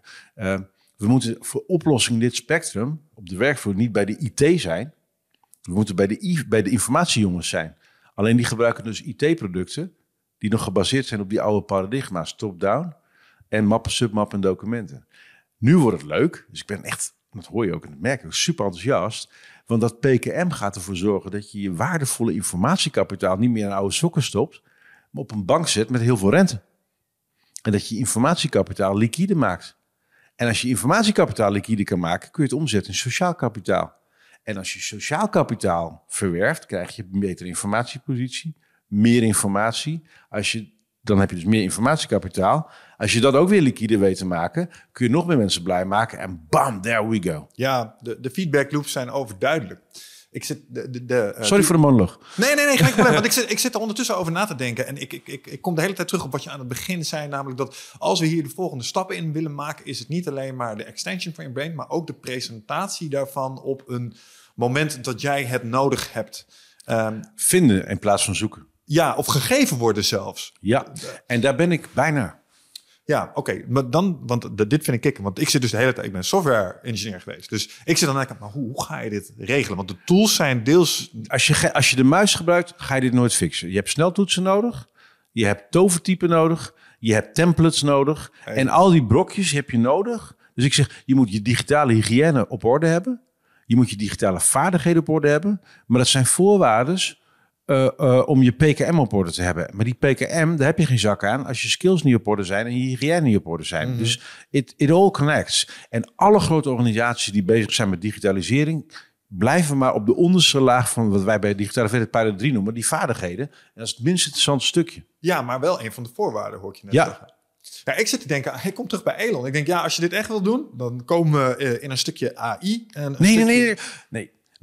AI, nee. AI komt Neuralink? Nee, nee. Want, Brain interfaces? Nee, nee, nee. Het begint eerst met je eigen persoonlijke ontologie. Als jij niet weet welke informatie voor jou relevant is, als je er nooit, nooit over hebt nagedacht, mhm. kun je het ook niet in stukjes knippen. Dit klinkt allemaal heel technisch, maar het is makkelijker dan je denkt. Um, en als je de informatie in stukjes knipt en je kunt slim verbinden, dan in één keer ziet je de werkelijkheid er totaal anders uit. Laten we het eens tastbaar maken met een voorbeeld. Ja. Dus uh, een informatiebehoefte die je hebt. Wat is een, uh, en die ga je hier op deze uh, PKM-methode ga je die benaderen. Dus hoe maak je bijvoorbeeld... Ik ben recentelijk begonnen met moestuinen. Nooit gedaan. Ik heb een, een zeer grote nieuwe informatiebehoefte, ben ik achtergekomen. En ik doe allerlei stukjes kennis op.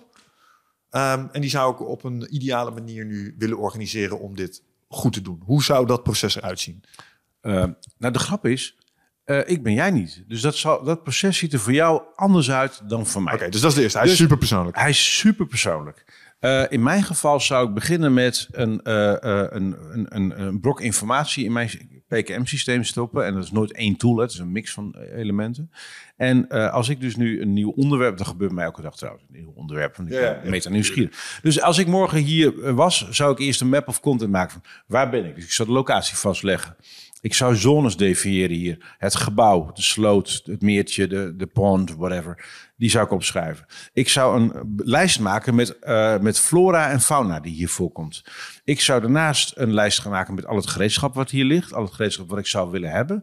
En ik zou een lijst aanleggen van mensen die over kennis beschikken. Die gaat over deze locatie. Daarnaast zou ik een lijst met boeken gaan aanleggen. Die uh, content bevatten die hier relevant is. Ik zou een lijst met video's gaan besparen die ik gaan opsparen die ik kan bekijken om het aan andere mensen uit te leggen. En eentje die ik nog wil zien, want dat moet ik processen. Uh, dan zou ik daarna een stuk biochemistry opengooien. Dat betekent dat ik uh, dingen als fosfaat, fosfor, magnesium. Ik moet biochemische kennis gaan vergaren. Dus ik moet de elementen gaan leren snappen. Dan moet ik gaan bedenken wie ken ik die daar iets over weet. En langzaam, en dan moet ik een tijdschema gaan maken. Want ik heb op deze plek iets te doen in de tijd. Want ik moet in april iets anders doen in augustus. Dan moet ik een lijst maken met activiteiten die ik hier wil organiseren. Gaan bedenken wie het leuk vindt om een dagje te helpen. Dan moet ik zorgen dat ik kampvuur heb en dat het een goede uh, biologische wijn is. Dus ik zou zeg maar, als ik nu vandaag hier de baas was. Dus het eerste wat ik zou doen is deze lijst opschrijven. Ja. Nou, dat is een kwartierwerk. Ja, ik denk vervolgens, vervolgens zou ik die lijst zou ik klassificeren en zou ik die aan elkaar gaan linken. Dit kan ik niet uitleggen met audio. Het spijt me. Dus dat, dat, dat, dat zijn filmpjes voor nodig. En, ja, maar jij zou niet een logische structuur voor, jou, voor jouw logische structuur eroverheen leggen. Ja, maar de grap is, ik zou die acuut metadateren. In ons boek heb ik een informatiedoctrine opgeschreven met Arjan Broeren en Mark Meinema. En um, wat, wat, ik miste was een, een, een beoordelingssysteem, een vetting tool, om ons digitale werkgereedschap te kunnen klassificeren. Want wij doen nu iets heel geks met medewerkers. Wij zeggen, hier is je computer, hier is de software, that, that's it, hier moet je alles mee doen. Stel je voor, je bent een chefkok, of een garagehouder, of een chirurg. En je mag vijf stukjes gereedschap gebruiken, daar moet je alles mee doen. En meer mag je niet gebruiken, want dat is niet veilig. Mm 5 miljoen Nederlanders hebben zich dit laten aanpraten door de afdeling IT en de baas.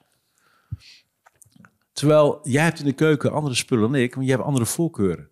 Dus het idee dat we met elkaar hetzelfde kunnen doen, met dezelfde gereedschappen, is natuurlijk ridiculous. Dus we moeten naar een hele andere manier van hier naar kijken. Dan moet je het kunnen beoordelen. Op welke gronden?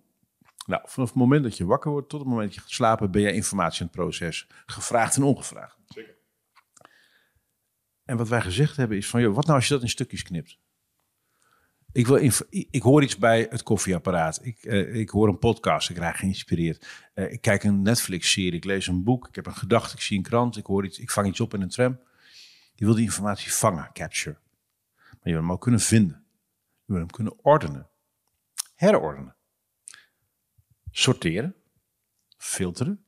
Metadateren. Onderling verbinden. Delen en publiceren. Zo hebben we nog nooit naar informatie gekeken. Maar dit is in feite wat je de hele dag doet.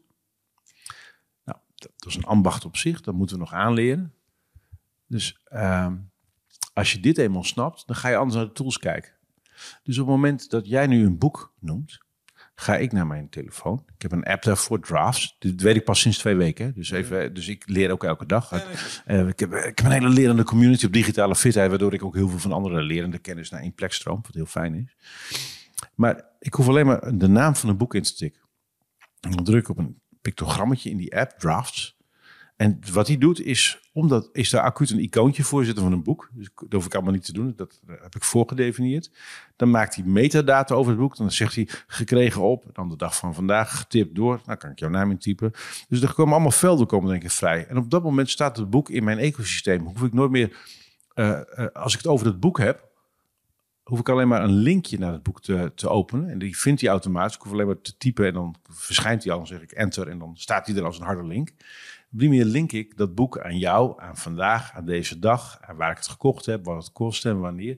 Dus ik heb een enorm me- meer met data, terwijl ik niet kan programmeren. Ik ben helemaal niet technisch, jij bent technisch dan ik. En ik kan gewoon zeggen, hoe vaak heb ik afgelopen jaar een taxi gehad? Laat alle taxiritten zien van meer dan 100 euro. Eh, hoeveel mensen zaten er dit jaar bij mij in mijn lezingen? Mag ik alle lezingen zien eh, in postcodegebied X, Y of Z? Eh, mag ik alle lezingopbrengsten zien van meer dan 2000 euro? Ehm, hoe vaak ben ik eh, bij die koffietent geweest? En, en de grap Pluk, is... pluk, dit uit één centraal eh, luik, één centraal venster? Of zit je wel op verschillende deurtjes te kloppen? Dus deze haal ik uit Excel nu. Deze, of heb Nee, je er een nee, laag nee. overheen gelegd voor jezelf? Nee, ik gebruik daarvoor dus geen documenten. Dat is de grap van PKM. Je kunt je eigen PKM-systeem gebruiken. De een vindt Notion leuk, de ander gebruikt weer wat anders. Ja, ik gebruik er een paar. Maar ik, ik kan dus, omdat ik mijn informatie heb geclassificeerd, kan ik met mijn informatie praten. En dat, jij kan niet met jouw documenten praten. Je kunt ze er hooguit openen. Ja, of er overheen zoeken, maar dan inderdaad legt hij niet Ja, maar- de logische verbanden die ik hoop dat hij En dat doet hij anno bij mij. En dat, 2020 zou kunnen leggen. En dat doet hij dus bij mij wel. En het gaat niet om mij, maar het gaat om... Dit is waar we nu al zijn. Dit is geen verhaal van overmorgen. Dit is een verhaal van eergisteren. En als je dit eenmaal hebt... Tegen de tijd dat AI goed beschikbaar komt... is mijn dataset er klaar voor. Dat is van jou niet. Want je hebt allemaal nog mappen, submappen en documenten. Eh, dus die AI, ja, daar, daar kun je wel dingetjes mee doen. Maar het is echt zo fucking amazing... wat er in dat, in dat domein van PKM aan het gebeuren is. Ja. Dus binnen nu en vijf jaar, mark my words... heeft iedereen het over PKM. Ja. Nou ja, luister, ik, ik denk dan direct in... de- En voor de, wacht even, en voor de nieuwsgierige luisteraar, op persoonlijkkennismanagement.nl, die is namelijk ook van ons, kun je daar het nodig over vinden. Ja, nou, het lijkt me niet onbelangrijk. Ehm, gelet op de voordelen die je dus zojuist eh over schetst. Ik ga er denk ik eh, toch ook maar eens eventjes een keer naar kijken. Want ik zou die... Kijk, Dat moet je dus niet in je eentje doen. Dat moet je met onze community doen. Want waarom zou je zelf in je eentje door die leercurve heen willen... als je kan intappen op wat honderden mensen met liefde aan je uitleggen en je voordoen? Nee, pillage from all sources. Uh, laten we dat Ja. vooropstellen. Maar ik zie de toegevoegde waarde eh, van straks beschikking hebben over die informatie. eh, context, specifiek, juiste timing, met een stukje voorspellend vermogen. Ik snap dat je daar je huiswerk voor moet doen. Ehm, wat ik er tof aan vind, is dat je het helemaal voor jezelf op maat kan maken. Maar ik, als ik dan helemaal doordenk in wat jij zegt nu... Ehm, want ik heb wel zitten denken, hè, waar gaat nu straks het voordeel zitten op het moment dat eh, transhumanisme een ding wordt? Hè? Ik, ik weet niet of je het weet, Elon is bezig met... Ja, ik blijf, daar blijf ik ver uit de buurt. Maar stel je voor dat het gebeurt. Dan, dan, dan zit ik me altijd voor te stellen van, ja, maar waar zit dan het voordeel? Nu kan ik googlen in mijn hoofd of zo, weet je wel? Maar ik denk dat wat jij nu zojuist omschrijft, ik denk dat dat een van de krachten van een, even los van of je het moet willen en of het daadwerkelijk gaat gebeuren, maar ik denk dat die daar zit. Want de efficiency-slag en de snelheid en de flexibiliteit vooral die je vrijspeelt op het moment dat je dit, als je het echt allemaal voorgeschoten zou krijgen, hè? Zo op de manier zoals je, Ja, maar de grap, maar het is nu al. Want ik, ik kom heel veel mensen tegen. Dan vertel ik wat ik op één dag allemaal doe. En dan kijk ik naar... No, dit gaat niet, Martijn. Hoe doe je dat? Want ik run dus ongeveer 80 projecten tegelijkertijd door elkaar heen. En ik vergader nooit. Ik schrijf geen stukken daarover. Notulen doen we niet aan. Draaiboeken maak ik niet. Projectplannen maak ik niet. En hoe meer ik erbij doe, hoe makkelijker alles wordt. Omdat het een ecosysteem is met energie, mensen en informatie. Ik werk liefst zonder geld. Dan, dan, dan, dan hoef je niet met schaarse middelen te werken. En dat kan als je genoeg sociaal kapitaal hebt en informatiekapitaal. Dus ik ben alleen maar, afgelopen 20 jaar heb ik al mijn monetair kapitaal teruggeïnvesteerd in informatiekapitaal en sociaal kapitaal. En in mijn eigen skills. En die wil ik ook gratis aan het weggeven en aan het leren aan iedereen. Omdat ik echt dat, dit the way to go is. Als jij die biodiversiteit wil oplossen, als jij herenboeren, voedselbossen, als je dat allemaal wil doen, dan heb je een shitload aan kennis, informatie, voorlichting, materiaal en verplaatsbare kennis en inzichten nodig. En dan moet je heel snel leren van wat een ander al geleerd heeft. Dat moet je op de traditionele manier doen, dat schiet niet op. Nee, 100% waar. Dat, eh, dat deel ik volledig met je. Interessant. Ehm, dingetje waar ik hier even over wil doormijmeren. Want we hebben het nu gehad over ehm, de impact die dit heeft op het individu. Ja. Dan eh, kwam ik iets interessants tegen over jou. Ehm, misschien weet je dit niet eens meer, omdat veel op je over het internet staat. Maar op, op je bio op Bob.com staat volgende over jou. Eh, het benutten van collectieve intelligentie van het netwerk zijn jouw specialiteit. Mhm. Eh, dat staat aan bij Elvenstone, waar we het eh, in het begin over hadden. Wat denk je dat er gebeurt als we hier allemaal op deze manier mee om zouden gaan? We zouden er bekwaam in worden en we zouden dus ook nog eens dat in een netwerksetting, want dat gaat volgens mij synergie opleveren. You bet. Volgens mij eh, eh, hebben we daar iets in handen wat we nog niet helemaal realiseren. Ik denk dat Dat, hier... nou, hier ben ik al twintig jaar mee bezig. Ja, want als je de individuele elementen van het menselijk netwerk... Ja, ja dat kan je veld me even. Dat is waardevol werk. Ja, mooi. Laten we het nog eens iets meer hebben over ehm, de kracht van eh, collectieve intelligentie, maar dan misschien even Je gekoppeld. hebt ook collectieve domheid, hè? Dus Ja, nee, ja, sure man. Eh, hoe heette die fantastische film ook alweer? Waarvan ik dacht, hey, het was niet een handleiding. Ehm, die film over de Verenigde Staten als hij eh, de 20 jaar in de toekomst. En, oh, ik ben de naam echt helemaal vergeten. wat? RD4? Nee, nee, nee, nee, nee. nee. De Verenigde Staten is, is de, eh, de meest dom mogelijke maatschappij. De verkiezingen worden gesponsord door het, is- monsterdrinkers. het, het is een hele grappige naam, maar die staten zijn echt helemaal niet verenigd. Oh zo, ja, nee. Ja, dat, dat blijkt nu inmiddels wel als je kijkt naar hoe ze Ja. met... eh, Oké, let's, Abortus not, gaan. let's, even not, terug- let's not talk Ja, politics. even terug naar eh, het stukje ehm, collectieve intelligentie. En eh, misschien toch ook weer even terug naar het boek De Uitvinder van de Natuur. Want eh, die beste man die is natuurlijk eh, tot op een bepaalde hoogte eh, gekomen in bekendheid. En ik denk dat mensen die bepaalde kwaliteiten hebben... dat per definitie altijd zullen doen... omdat er een wijsheid zit in de groep die dat naar boven laat komen. Hè? Want we, volgen niet zomaar mensen waarvan we denken... nou, deze gaat ons verder van huis brengen. Ehm, wat zit er momenteel in onze collectieve wijsheid waar we naar zouden moeten luisteren? Dus als je kijkt naar eh, hè, het sentiment in onze, in onze netwerken, wij als mensen, wij als Nederland, eh, daar zit een stukje collectieve wijsheid in. En misschien worden daar sommige onderdelen wel gewoon genegeerd of eh, onvoldoende mee gedaan. Dingen waar, waarvan we met z'n allen weten van ja, je moet er iets mee. Daar kan ik alle kanten op, eh, over opfilosoferen, maar ik, ik- dat, daar durf ik geen zinnige uitspraken over te doen. Interesting. Omdat als ik, naar, naar- waar ik aan moest denken toen ik dat las, zo, een stukje collectieve intelligentie. Ja, maar even, we, ook jij, ik, wij zijn zo biased. Er zijn zoveel andere elementen in de samenleving waar we niet van weten wat daar precies om gaat, eh, hoe de leefwereld daar is. Dus ik vind dat, en dan heb je het alleen maar over Nederland en dan zeker als je het dan groter trekt. Dus over, over, over dit soort grote metabewegingen. eh, Is dat, dat, dat, maar dat, dat, dat is dus niet wat je bedoelt als je het hebt over de collectieve intelligentie.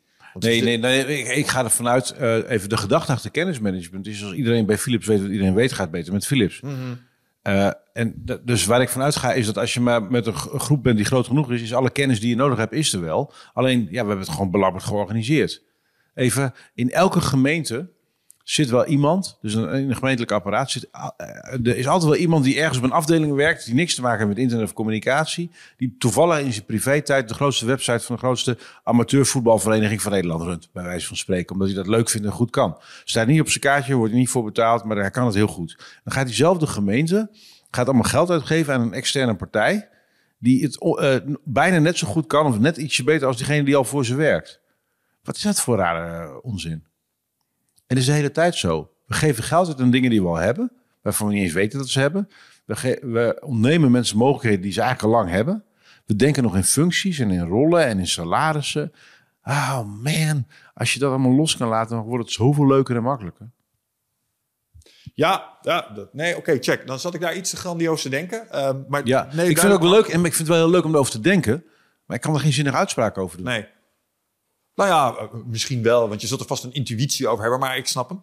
Ehm, maar, laten we dan toch weer even gewoon iets teruggaan naar dat, naar dat meer eh, praktische ding. Want ik herken helemaal wat je zegt als het gaat om eh, de manier waarop we dit soort dingen organiseren. eh, en dat daar een heleboel gemiste kansen liggen, onbenut potentieel. Eh, en laten we wel wezen, eh, je hele ervaring, hè, je welzijnsbeleving, zou aanzienlijk verbeteren eh, voor de gemiddelde werknemer als, dat, als ze zich niet tegen dat soort onzichtbare grenzen Krachten, toestanden, ja. Nee. Whatever, waarom doen we dit zo? Weet ik Ja, veel, doen we ja. altijd zo. Ja, Ehm, En ik ben altijd wel van eh, de, de toepasbare kennis. Want dit klinkt goed en nou wil ik er iets mee. Want eh, ja, die Martijn die heeft, moet- die heeft gelijk. Ja, weet nou, ik moest zo lachen. want Ik, ik heb een paar keer, eh, een paar, ik heb een hele leuke recensie op het boek. Er zaten een paar tussen van, ja, ik kan eigenlijk in mijn organisatie, met de organisatie kan ik er niks, net niks mee. Toen sprak een, een vrienden manager, die zei, ik kan eigenlijk in mijn organisatie niks met jouw boek. Ik zei, ja, dat klopt. Dat boek, ons werkingstuk, daar heb je helemaal geen zak aan als organisatie. Eh, ehm, eh, want het gaat niet over leiderschap, het gaat niet over het managen van teams, al die dingen. Eh, eh, jouw organisatie kan niks met ons boek. Eh, al jouw mensen kunnen er heel veel mee. Maar ik geloof heilig. Ik geloof niet in organisatie. Ik geloof in mensen die iets kunnen en willen. Eh, ik geloof niet in dwang. Ik geloof niet in veranderen. Ik geloof niet in cultuuromslagen. Het enige wat ik in geloof is mensen die wat willen. Die kun je wat leren en die kun je helpen. ja. Punt. En dit domein waar wij over schrijven is een verwaarloosd domein. Voor iets waar mensen elke dag last van hebben. En ze hebben het niet door, omdat alle IT-mensen en al het management kijkt naar de T-kant van technologie. Want dat is mooi en sexy en geld. eh, En daar kun je budgetten voor krijgen. Maar over iets plats als ons informatiebewustzijn.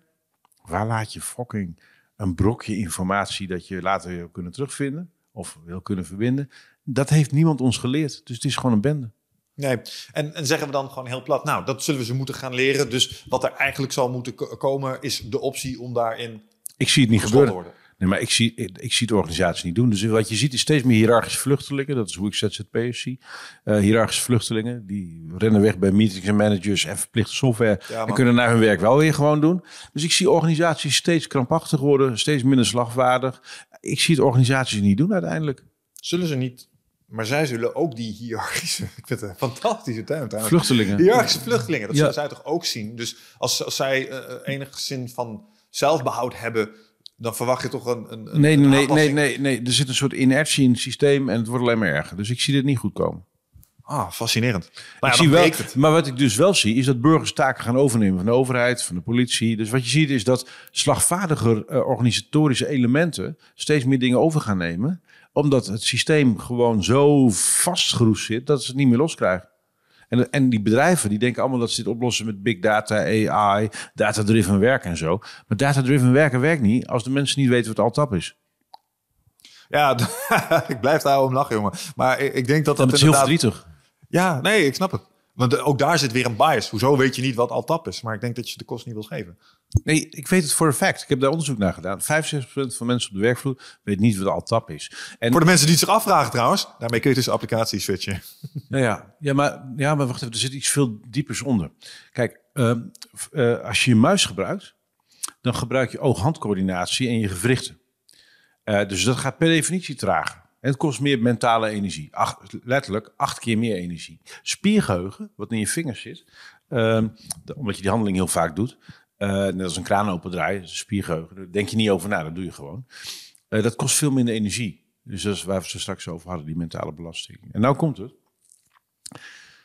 als je vier, vijf uur per dag of langer een scherm gebruikt voor je werk, dan ben je al gauw duizend, twee, drieduizend keer per dag met een muis in de weer.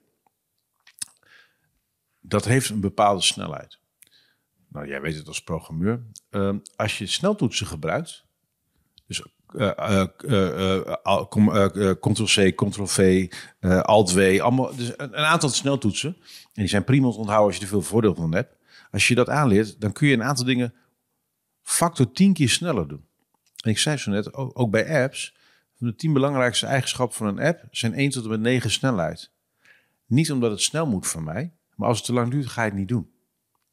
Dus er zijn allemaal handige, goede, slimme, wezenlijke dingen die je met een computer kan doen. Als je niet de muis gebruikt, als je dingen met de muis doet, dan duurt het echt zoveel langer dat je het voor een deel gewoon niet gaat doen. Grappig. Dus er, zit, er zit magie achter het verhaal van Altap. En pas als je die snapt, snap je een hotkey. En als je een hotkey en tovertype snapt, terugkerende eh, elementen in je tekst eh, automatiseren, zeker op een smartphone, dan ga je nog een stuk sneller. En als je ook nog templates en lijstjes, terugkerende lijstjes kan gebruiken, dan plug je in op wat je alles eerder had uitgevolgd, waardoor je niet nog een keer hoeft te doen. En als je dit allemaal samen snapt en je gaat dan naar PKM kijken, dan wordt het feest. Ja, ik volg hem nu. Ja. Ja. En, en eh, dus dit gaat niet over, ja, maar ik vind de muis gewoon leuk. Nee, daar gaat het helemaal niet over. Het gaat om dat je domweg met die muis een aantal dingen niet kan doen. die uitmaken op het moment dat je het serieus wil gaan doen. Ja, even terug. Wat wilden we? Vierdaagse werkweek, vier uur per dag werken. Dan gaat dit helpen. Dat heb je nodig. Ja, nee, 100%. Ik moet heel erg denken aan iets ehm, waarvan ik vermoed dat je het misschien ook niet zult kennen. Maar ehm, StarCraft.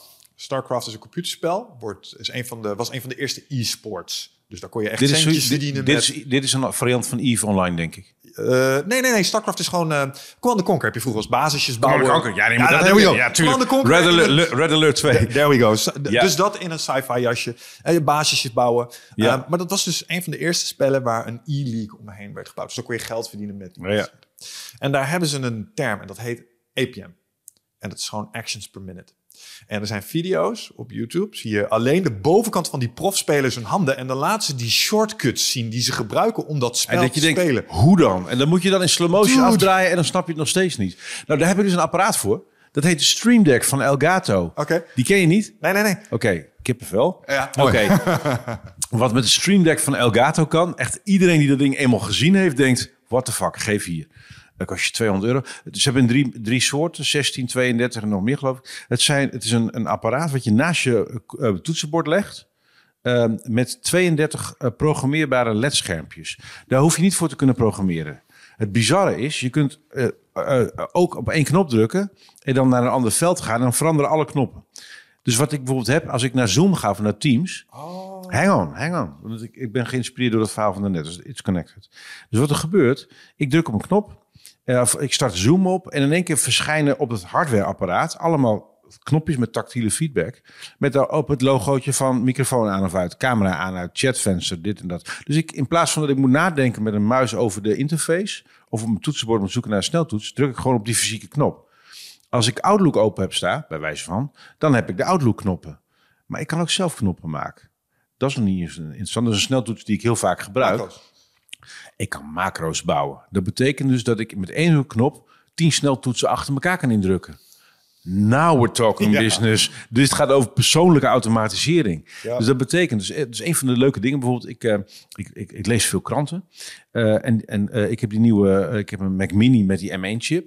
En die M1-chip van Apple zorgt ervoor dat je ook de iPhone en iPad-apps op je Mac kan draaien.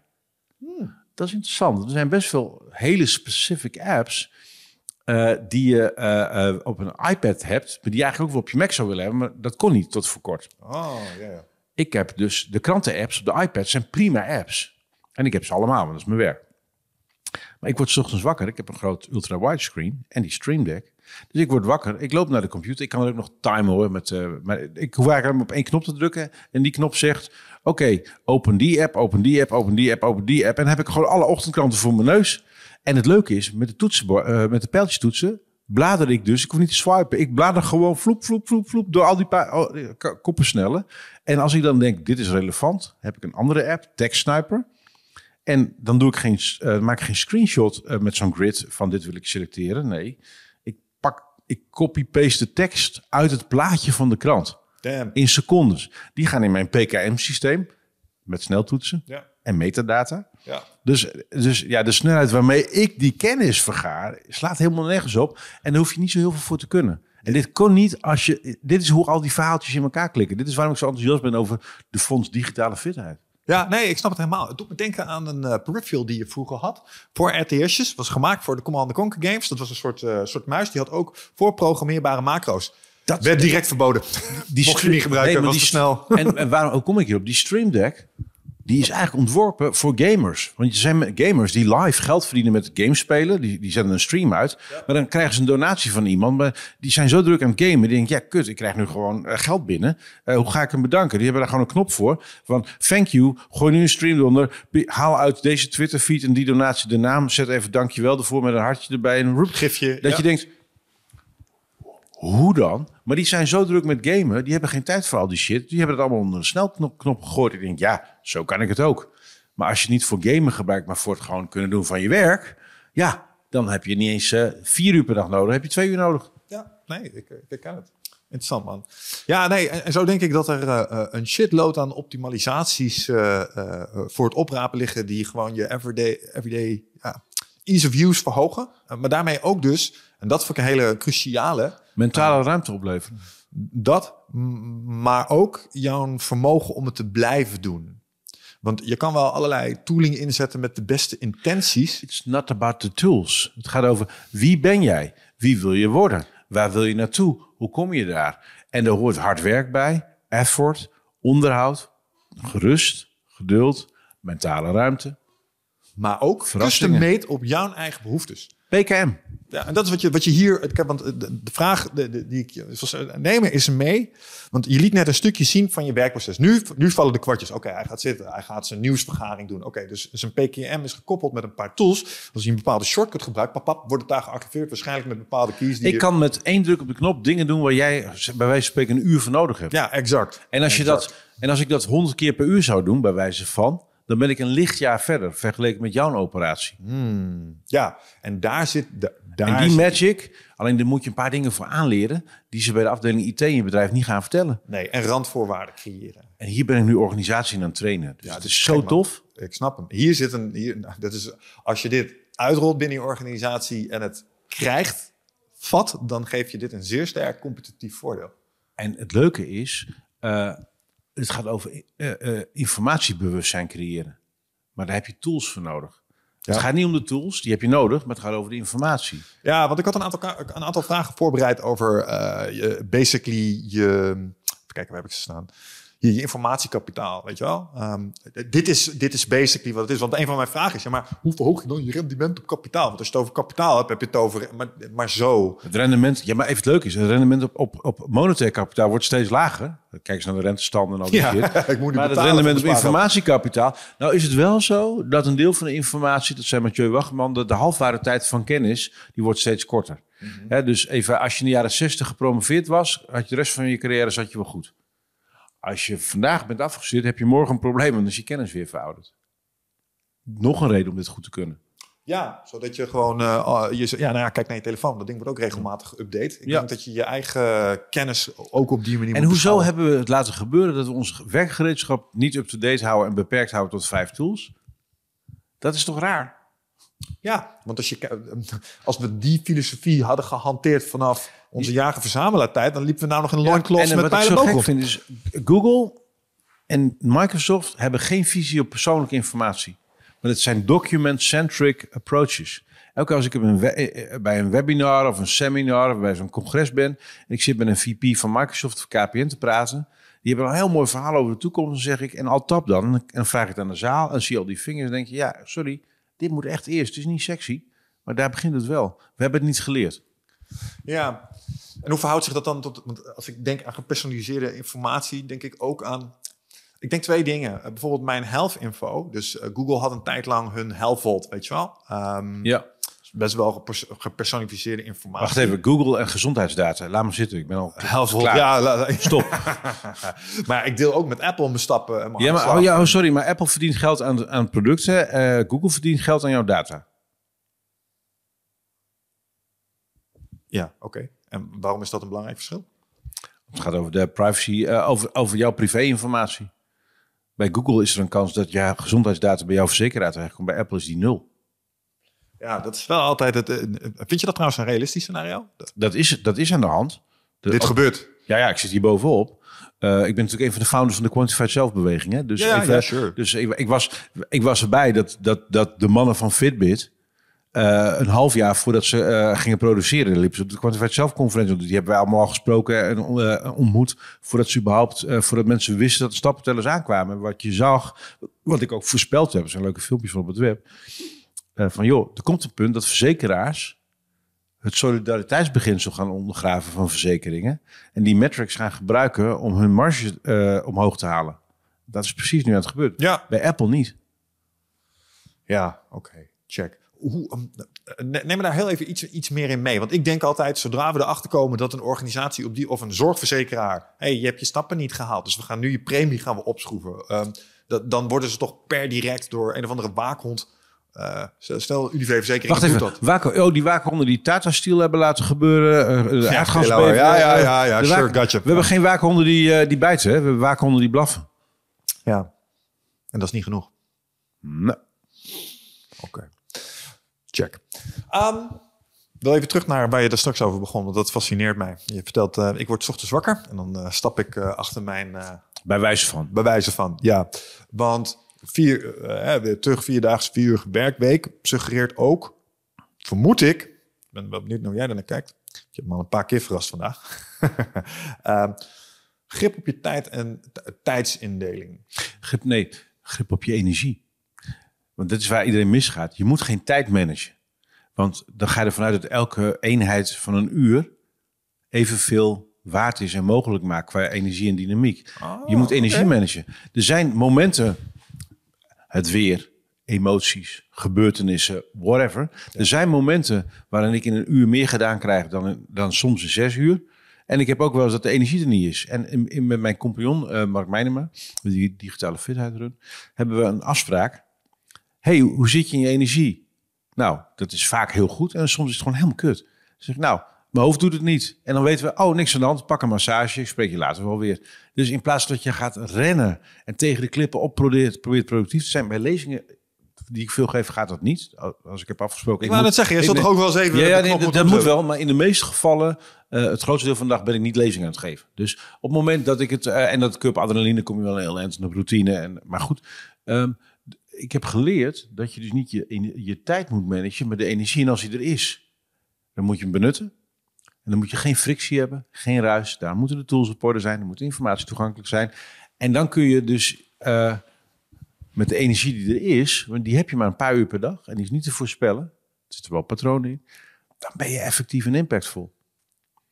Dus als ik in een winning mood ben, dat heb jij ook wel eens, dan gaat alles, dan lukt alles. En, en, dan, dan, moet, en dan, dan moeten de tools ter uh, beschikking zijn, dan moet de informatie klaar liggen. En dan wil je bam zo hard als je ga, uh, kunt. Maar als die er niet is, moet je daar ook in kunnen ontspannen. Dus ik geloof niet dat je tijd moet managen, hmm. wat iedereen probeert. Je moet energie managen en aandacht. Dat betekent heel goed leren filteren, heel goed leren begrenzen, heel goed nee zeggen. Ja. Dus ik ah. doe dit, wat ik heel veel doe, is uh, heel veel mensen willen mij een afspraak. En dan willen ze een, uh, bijvoorbeeld een belafspraak inplannen. Zeg, nou, dat ga ik niet doen. Ja, maar dan willen we jou niet hebben. Je, nou, dan niet. Dat klinkt heel arrogant. Maar, ik zou, maar dat doe ik dus ook als ik, als ik het geld heel hard nodig heb, dan doe ik het ook niet. Want ik heb geleerd, ik moet, als mijn buik zegt nee, dan is het gewoon nee. Dus ik doe geen belafspraak. Vergeet het, bij uitzonderingen daar gelaten.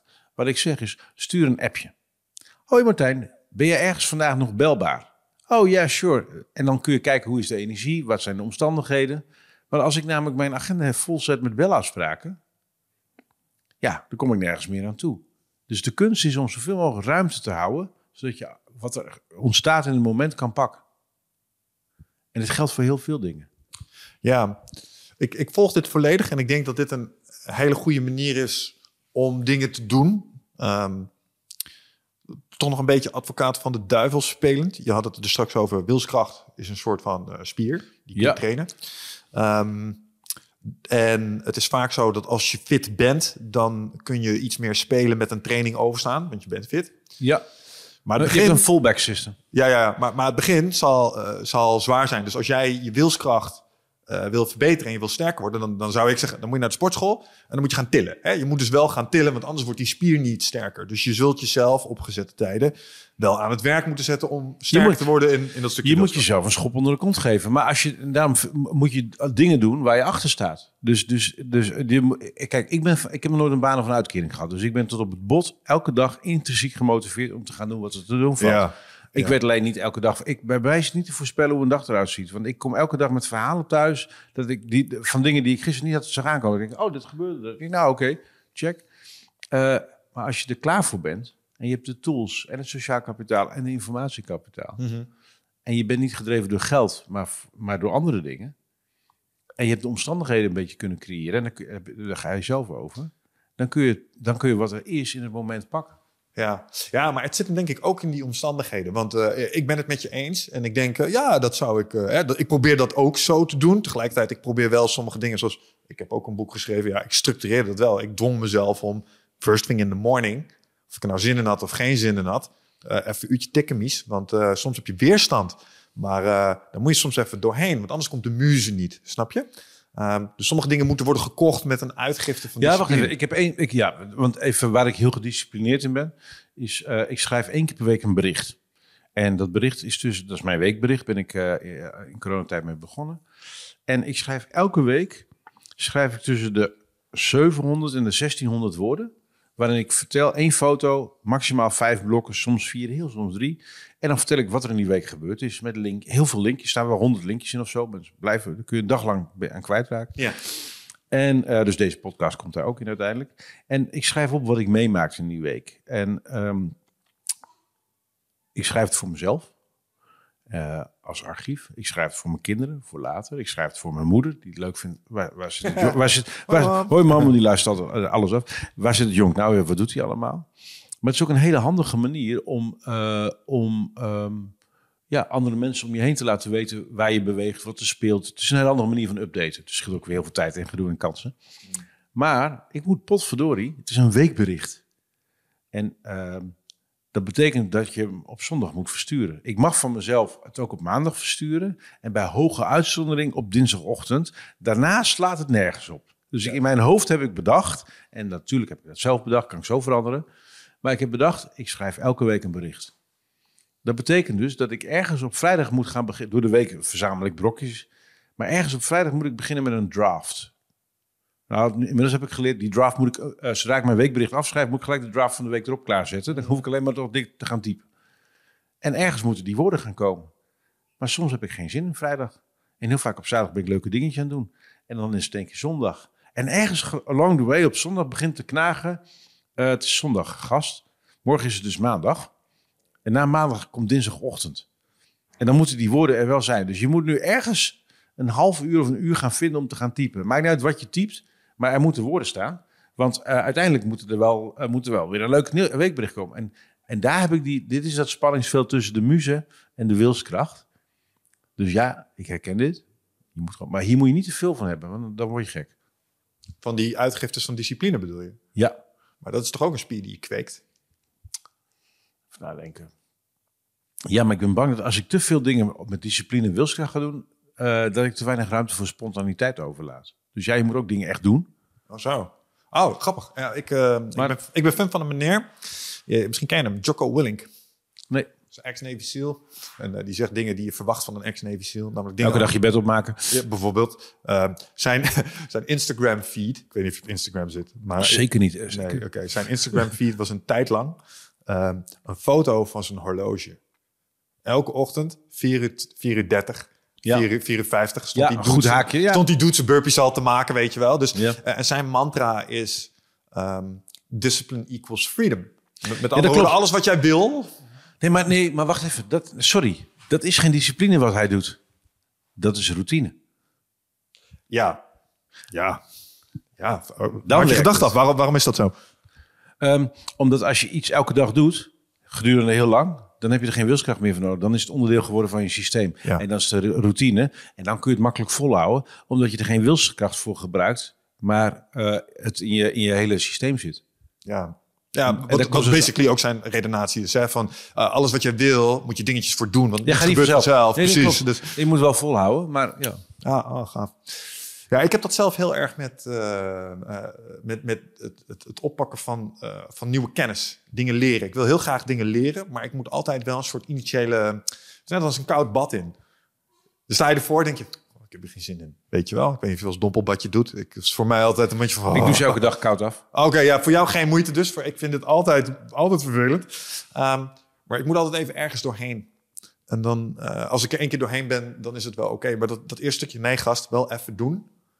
Dat moet er wel zijn, want anders gebeurt het niet. Snap je? I know. Ja, oké. Ja, nee, omdat als ik je zo beluister, eh, klinkt het ook wel heel... ehm, je leven klinkt bovengemiddeld vrij, als ik het zo mag zeggen. Ja, eh, ja in de praktijk. Ongestructureerd. Ik wil niet zeggen ongestructureerd, want je bent heel gestructureerd, maar dat koopt denk ik die vrijheid. Nu ik daar wat langer over Ja, dat nadenk. klopt. Ik heb een paar dingen extreem goed geregeld, zodat ik heel veel dingen niet hoef te regelen. Ja, en dat, dat, dat initieel heel goed regelen, dat kost tijd en moeite, maar daar zit dus, dat maak ik hier uit op. En die doe ik Fucking al heel hoog. Ja. resultaat op, rendement op. Ja. Gaaf. Oké, er is nog één, eh, eh, één ding waar ik het heel graag even met je over wil hebben. Omdat ehm, een van de dingen die je ook uh, omschrijft, uh, is een leven lang leren. Dus het, het, omgaan met nieuwe kennis, dingen, dingen je eigen maken. Ja. Je hebt natuurlijk zelf ook, um, nou, je doet dit al een tijdje en, en, en dat merk ik hier ook. je bent goed in dingen uitleggen en in kennisoverdracht. Maar ik vind je tegelijkertijd ook... Informatieoverdracht. Informatieoverdracht, ja. Kennis, maar kennis is nog weer een stap verder. Ja, dat weet ik niet. kennis is, toe, is geïntegreerde informatie. Ja, en ik weet niet of het... Ik denk dat ik meer informatie deel, een brokjes informatie, dan dat ik kennis overdraag. Ja. Als het gaat om leren. Dus eh, ik denk dat mensen die naar Eindbaas luisteren, het is een unique performance podcast, die zitten hier ook altijd met oren van, ja, ik vind het natuurlijk interessant, ja, maar ze willen er ook iets uithalen. Eh, En de manier waarop je leert is natuurlijk ook per eh, persoon verschillend. Maar als je kijkt naar het proces van leren, dus mensen kennis overdragen, wat is dan het belangrijkste inzicht wat je daar over de loop der tijd over hebt vergaard? Dus mensen iets bijbrengen. Wat vind je daar je belangrijkste inzicht in? Daar heb je geen inzicht in. Dat ik de bar slecht in ben. Oh, ha, nou, dat is een inzicht. Waarom ben je er bar slecht in? Kijk, Want, je- want je lijkt het te doen voor je werk, of zie ik je werk gewoon niet goed? Nee, dat, dat, ja, dat zou goed kunnen. Ehm, nee, kijk, ik leer de hele dag. En wat ik geleerd heb, is ik moet daar over wat ik heb bedacht, het gaat de hele dag door, maar heel veel input, ehm, moet ik formuleren.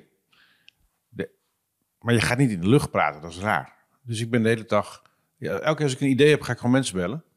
En bij het achtste belletje ben ik vijf iteraties van dat verhaallijntje, dat inzicht ben ik verder. Mijn optredens die ik veel doe, dat zijn plekken waar ik mijn inzichten gewoon try-out. En, eh, en dan zie ik hoe de zaal respondeert, krijg ik weer feedback. Oh, dit werkt wel, dit werkt niet. Oh, ik heb nieuwe in. Komt iemand na de tijd naar me toe. Martijn, je vertelt dit, maar het staat net heel anders. Ik denk, oh, nou, we moeten dan lezen. Oké, top. Nou, hup, volgende keer. Zoals ik gisteren leerde, van een leuke manier bij de lezing. Hup. En dan ben ik weer verder. Dus ik gebruik dat podium als een klankbord. Voor je eigen leerproces. Voor mijn eigen leerproces. Ah. Ik, leer, ik leer formuleren. Nou, als ik dat heel vaak doe, dan heb ik zoveel content, kan ik er een boek omheen knutselen. Nou, dat is ook weer leuk. En nou ja, zo gaat dat door. Eh, ik, bij leren, de grap is, ik ga niet over wat jij leert. Leren is iets wat de ander moet doen. Daar ga ik niet over. Ik kan aanraken.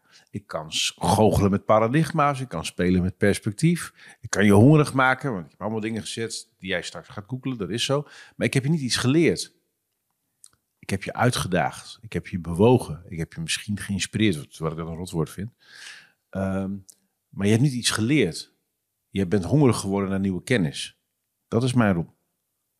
Leren Ja, is iets ja, wat je ja, zelf moet doen. En dat leren doe je alleen maar door iets te doen. Je leert niet door iets te horen. Je leert iets door iets te processen. En dat proces, daar ga ik niet over. Oké, dus daar heb je ook. Ik weet niet of dat waar is. Omdat als ik. ehm, waar ik naar op zoek ben, zijn manieren die jij als iemand die dit vaker doet, heb, heeft gevonden. Ik hoor je net zeggen hongerig maken. Ja. Dat is interessant. Dus je, je gaat eh, uit van het stukje nieuwsgierigheid en een, je creëert denk ik een intrinsieke behoefte door bepaalde benefits te denken. Jij hebt mij getriggerd omdat ik net jouw proces hoorde. Ik denk, I gotta get me some of that. Dat klinkt zeer voortvarend, zeer prettig. Daarmee heb je niks geleerd. Nee, nee, nou, ik weet iets meer over PKM en ik heb wat richtingen waar ik in nu... Maar je hebt eh, iets gehoord. Iets leren is wat anders. Leren is iets doen en internaliseren. Ja, oké, check. Ja, dankjewel. Ehm dus, dus ja, oké, dus dat is een eh, dat is honger. Maar tegelijkertijd geloof ik ook dat. Maar ja, dat ligt natuurlijk aan tot. Kijk, jij hebt eenmalige interacties, volgens mij. Ik hoor je zeggen optredens. Als ik 5% van de mensen in de zaal raak en die gaan iets doen, dan ben ik al gelukkig. Ja, De meeste mensen gaan daarna over de door van de dag, denken dat ze te druk zijn, hebben er mooi geen zin in. Maar ze zijn even uit hun gewone doen, ze zijn even geprikkeld. Eh, dus op mijn website, ik kom binnenkort een nieuwe, dus eh, niet over miepen. niet nu kijken, jongens. Maar dus je, daar kun je mij boeken voor een lezing.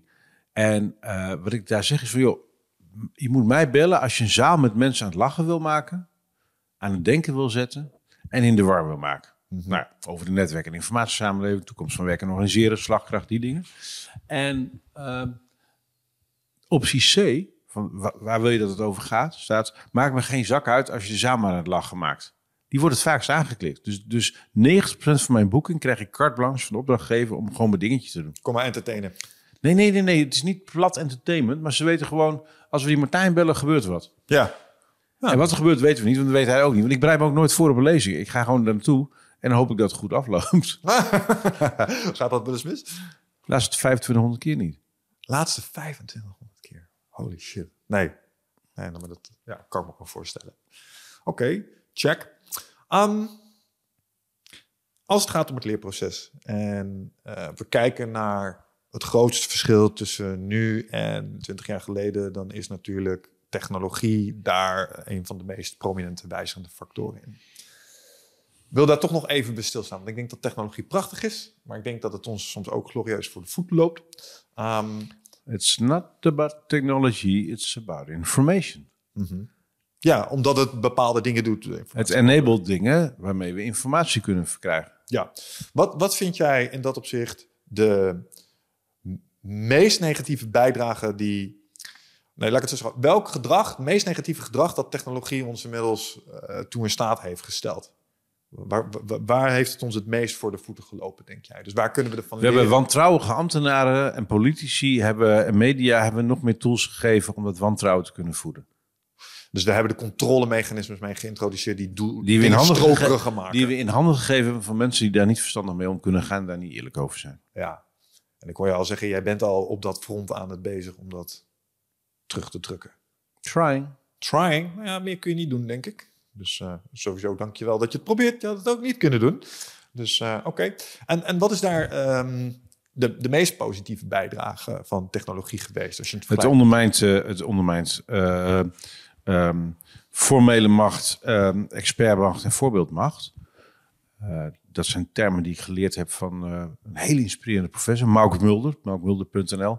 Hij is 93 geworden, hij leeft niet meer, maar hij was met, samen met Geert Hofstede, de, de grote naoorlogse psycholoog uh, zeg maar, uit de Nederlandse sociale wetenschappen. En ik heb 15 jaar met hem mogen werken of zo. En hij joh, netwerkmacht is de minst corrumpeerbare vorm van macht. Want als je die verkeerd aanwendt, dan valt die machtsbasis weg. Welke macht zei je? Netwerkmacht. Netwerkmacht, ja. Terwijl positiemacht, ik ben de basis, jij doet wat ik zeg. Of, uh, nou ja, Michael Jackson, Weinstein. Je weet op een gegeven moment, ja, leuk dat je voorbeeldmacht hebt, maar jij, als je niet, de, de, de, op een gegeven moment houdt het op met die macht als je die verkeerd aanwendt. En um, expertmacht, ik, ik, heb, ik heb, ben gepromoveerd en jij niet, dus ik heb gelijk. Nou, dat zien we nu ook. Dus, dus uh, Moses Naim heeft daar een mooi boek over geschreven, Het einde van macht, The End of Power. Why being in charge is what it used to be. En dat was ook de oude belofte van het web, Tim Berners-Lee, alle gedachten erachter. Um, we gaan sneller informatie boven water kunnen halen. Er is natuurlijk een hoop desinformatie bij en, en, en nepnieuws en al die dingen. Maar in kans en groze, kijk naar de Wikipedia, on average komen er wel uit. Overheden vinden dat heel ingewikkeld. Hè? Dus hoe, hoe controleer je het narratief? We hebben ongelooflijk veel voorlichters. We hebben geen stijl noemen die lui voorliegers en dat snap ik. Um, onze overheid probeert met mannenmacht het narratief te controleren. Maar ja, heel eerlijk, als je meer, dat vind ik altijd, als je meer van de burgers wil weten, wat ze willen, dan moet je ook meer van de overheid mogen weten. Ja, dat werkt twee kanten. En dat stuk gaat, die, die asynchroniteit, die gaat heel hard de verkeerde kant op. Dus we hebben nu weer de, de wet open overheid, dat is opvolger van de WOP. Maar die controleerbaarheid van de overheid. Dus prima dat je onze burger, als je die burger wil controleren, maar dan willen wij jullie ook kunnen controleren. Want de overheid, daar zijn we toch met z'n allen. En daar gaan allemaal dingen mis. En, dat, en daar gaat technologie verkeerd. Maar ik zie ook gebeuren dat we daarmee vrij zijn. Uiteindelijk, kijk naar de toeslagenaffaire, kijk naar Groningen. Uiteindelijk komt het allemaal boven water. en is je machtsbasis weg. En dat is precies waarom we nu dat politieke complexe landschap hebben. Want de grote middenpartijen hebben zich te lang gedrag gepermitteerd. Niet empathisch zijn. Uh, uh, waarmee dus allerlei uh, dingen, daar kom je niet meer mee weg. Er komt een keer, valt door de mand, de burgers geloven niet meer. Kijk naar de boerenprotesten. Ja. Uh, het valt door de mand en dat is echt de verdienste van technologie. Dus dan moet je even voorbij kijken, voorbij het narratief, voorbij ophef, voorbij social media, juice channels, al die shit. Uiteindelijk komt boven water hoe het zit. En dan moet je wel ja, accountable zijn. Dus we hebben ja. een leiderschapsissue. Ja, the time of reckoning is ja. nigh. En ja. dan is de hoop dat wat daaruit wederop staat, uh, het beter doet. Nou ja, we kunnen de oude Lincoln uh, aanhalen. Want veel mensen denken dat het van Bob Marley is, mm. maar het komt van Lincoln. You can fool some people sometimes, but you can't fool all the people all the time. Nee, we zijn inherent nieuwsgierig, hadden we het er straks over. Uh, we willen de onderste steen boven. Breng me nog wel even bij een, uh, een laatste belangrijk onderwerp... wat we denk ik niet mogen uh, overslaan, want je zei het net al. Um, afgelopen twee jaar vind ik, uh, vooral mede door de pandemie... en alle, als je het hebt over informatie en verschillende blikken daarop... desinformatie, nepnieuws... welke bronnen vertrouw ik nog? Vertrouw ik het overheidsnarratief? Ga ik luisteren naar mensen vanuit buiten het, standaard narratief? Um, dat navigeren noem ik sensemaking.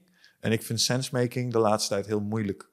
Als ik bijvoorbeeld klimaatsverandering neem als, als onderwerp, kun je ook allerlei verschillende onderwerpen uh, oh meningen over vinden. Ik zo. Ik, moet, ik moet de hele tijd aan het liedje, aan het album van de Talking Heads denken. Stop making sense. Stop making sense. Ja, maar dat is toch, dat is toch wat wij mensen doen? Wij, wij komen toch ergens en we puzzelen dingen uit. Ja, maar dat, dat doen we met onze rationele geest. Ja. Dat is ook de irrationele geest nog en de onderbewuste geest. Uh, nee, het is even. Um, um, um, hoe heet je nou? Kom zo weer op. Clay Shirky, die zei: joh, information overload is helemaal geen probleem. Jij hebt nog nooit een acute hoofdpijnaanval gekregen toen jij een grote bibliotheek binnenliep. nee. Want er waren bibliothecarissen, er was een index en daar stonden de boeken geordend. Zou je deze unit op je hoofd zou krijgen? Dus het probleem hieronder is filter failure. We moeten leren filteren. Dat hebben we alleen niet geleerd. En we hebben allemaal uh, apps en apparaten en platforms toegestaan uh, om onze filters te hacken, om er dwars doorheen te breken. Dat is eigenlijk waarom ik echt fel anti-Facebook ben. Uh, dus ik zie al die informatie niet als een probleem. En desinformatie zie ik ook niet als een probleem. ik denk dat de overheid ehm, zeg maar, meer desinformatie verspreidt. Als je consequent kijkt naar wat er allemaal misgegaan is, uh, dan de, de, de average burgers, zeg maar. En ja, en heel eerlijk, als je mensen, uh, als je niet transparant bent en mensen voelen dat, dan gaan ze zelf iets verzinnen. Dat klopt natuurlijk ook voor geen kant. Dus uh, wat ik wel interessant vond, is dat ik voor coronatijd vroeg ik me af waarom vaccineren we eigenlijk mensen? Dus ik ben lid geworden van de kanalen van de antivaccinatiebeweging. We hebben het hier pre-corona, dus toen was dit helemaal niet aan de hand. Maar ook van Skepter. Ik ben geabonneerd op het tijdschrift Skepter. Dus een vaktijdschrift voor beroepsskeptici. En de grap is, als je dus aan twee kanten van het, het, spectrum kijkt, dan kom je ergens in het midden uit. Ja. Daarom lees ik en, het, en de Trouw en NRC, maar ook de Telegraaf. Uh, dus ergens in het midden ligt het. Dus je moet de signals out of the noise zien te filteren. Maar dat betekent dat je moet leren filteren. Alles komt weer terug bij die informatie. Natuurlijk met je hart en je buik. Maar even, dat is een andere discussie. Ja, nee, nee, dat, dat snap ik helemaal. Ja, nee, oké. Okay. Uh, ik, ik, zat zelf meer te denken in de lines of... Uh, maar maar ik, ik, hoorde al een bepaalde argus bij jou. Kijk, als je bij mij met een artikel van The Sun aankomt, dan denk ik... Mm -hmm, snap je? Uh, of met De Telegraaf, een argus, een beetje achterdochtig. Um, maar eigenlijk is die informatie even geldig als de mensen aan de, de formele kant van nou het ja, spectrum. Even, wat je uh, zegt. Maar, zeg maar, uh, uh, um, hoe is die quote ook weer? Zelfs een dwaas. ik weet niet. Dus een, een soort... a broken clock is right two times a day. Bedoel je die? Ja, ja, nee, maar, ja, ja dat is één. Maar ook een, een dwaas kan meer vragen dan duizend wijzen kunnen antwoorden. Dus even, je moet de fool, de nar, al die rollen en archetypes, die horen er ook bij. En uh, dat, dat je um, iemands mening onwelgevallig vindt, wil niet zeggen dat je niet moet luisteren. Want uh, Jan Maat vonden wij een vreselijke man, maar die hebben we geïsoleerd. Maar als je naar zijn standpunten kijkt, niet allemaal, maar best veel standpunten waar we fel tegen waren, of waar we niet naar wilden luisteren, waren op zich in de context best logisch. Alleen waren we daar niet aan toe. Nou, dat geldt de hele tijd. Dus dan zeg ik niet dat we achterbouw net moeten aanrennen, in tegendeel. Maar even, het, is, het kan geen kwaad om je open te stellen voor de mening van anderen. Je moet zelf blijven nadenken, zelf blijven filteren, voor en tegen afwegen.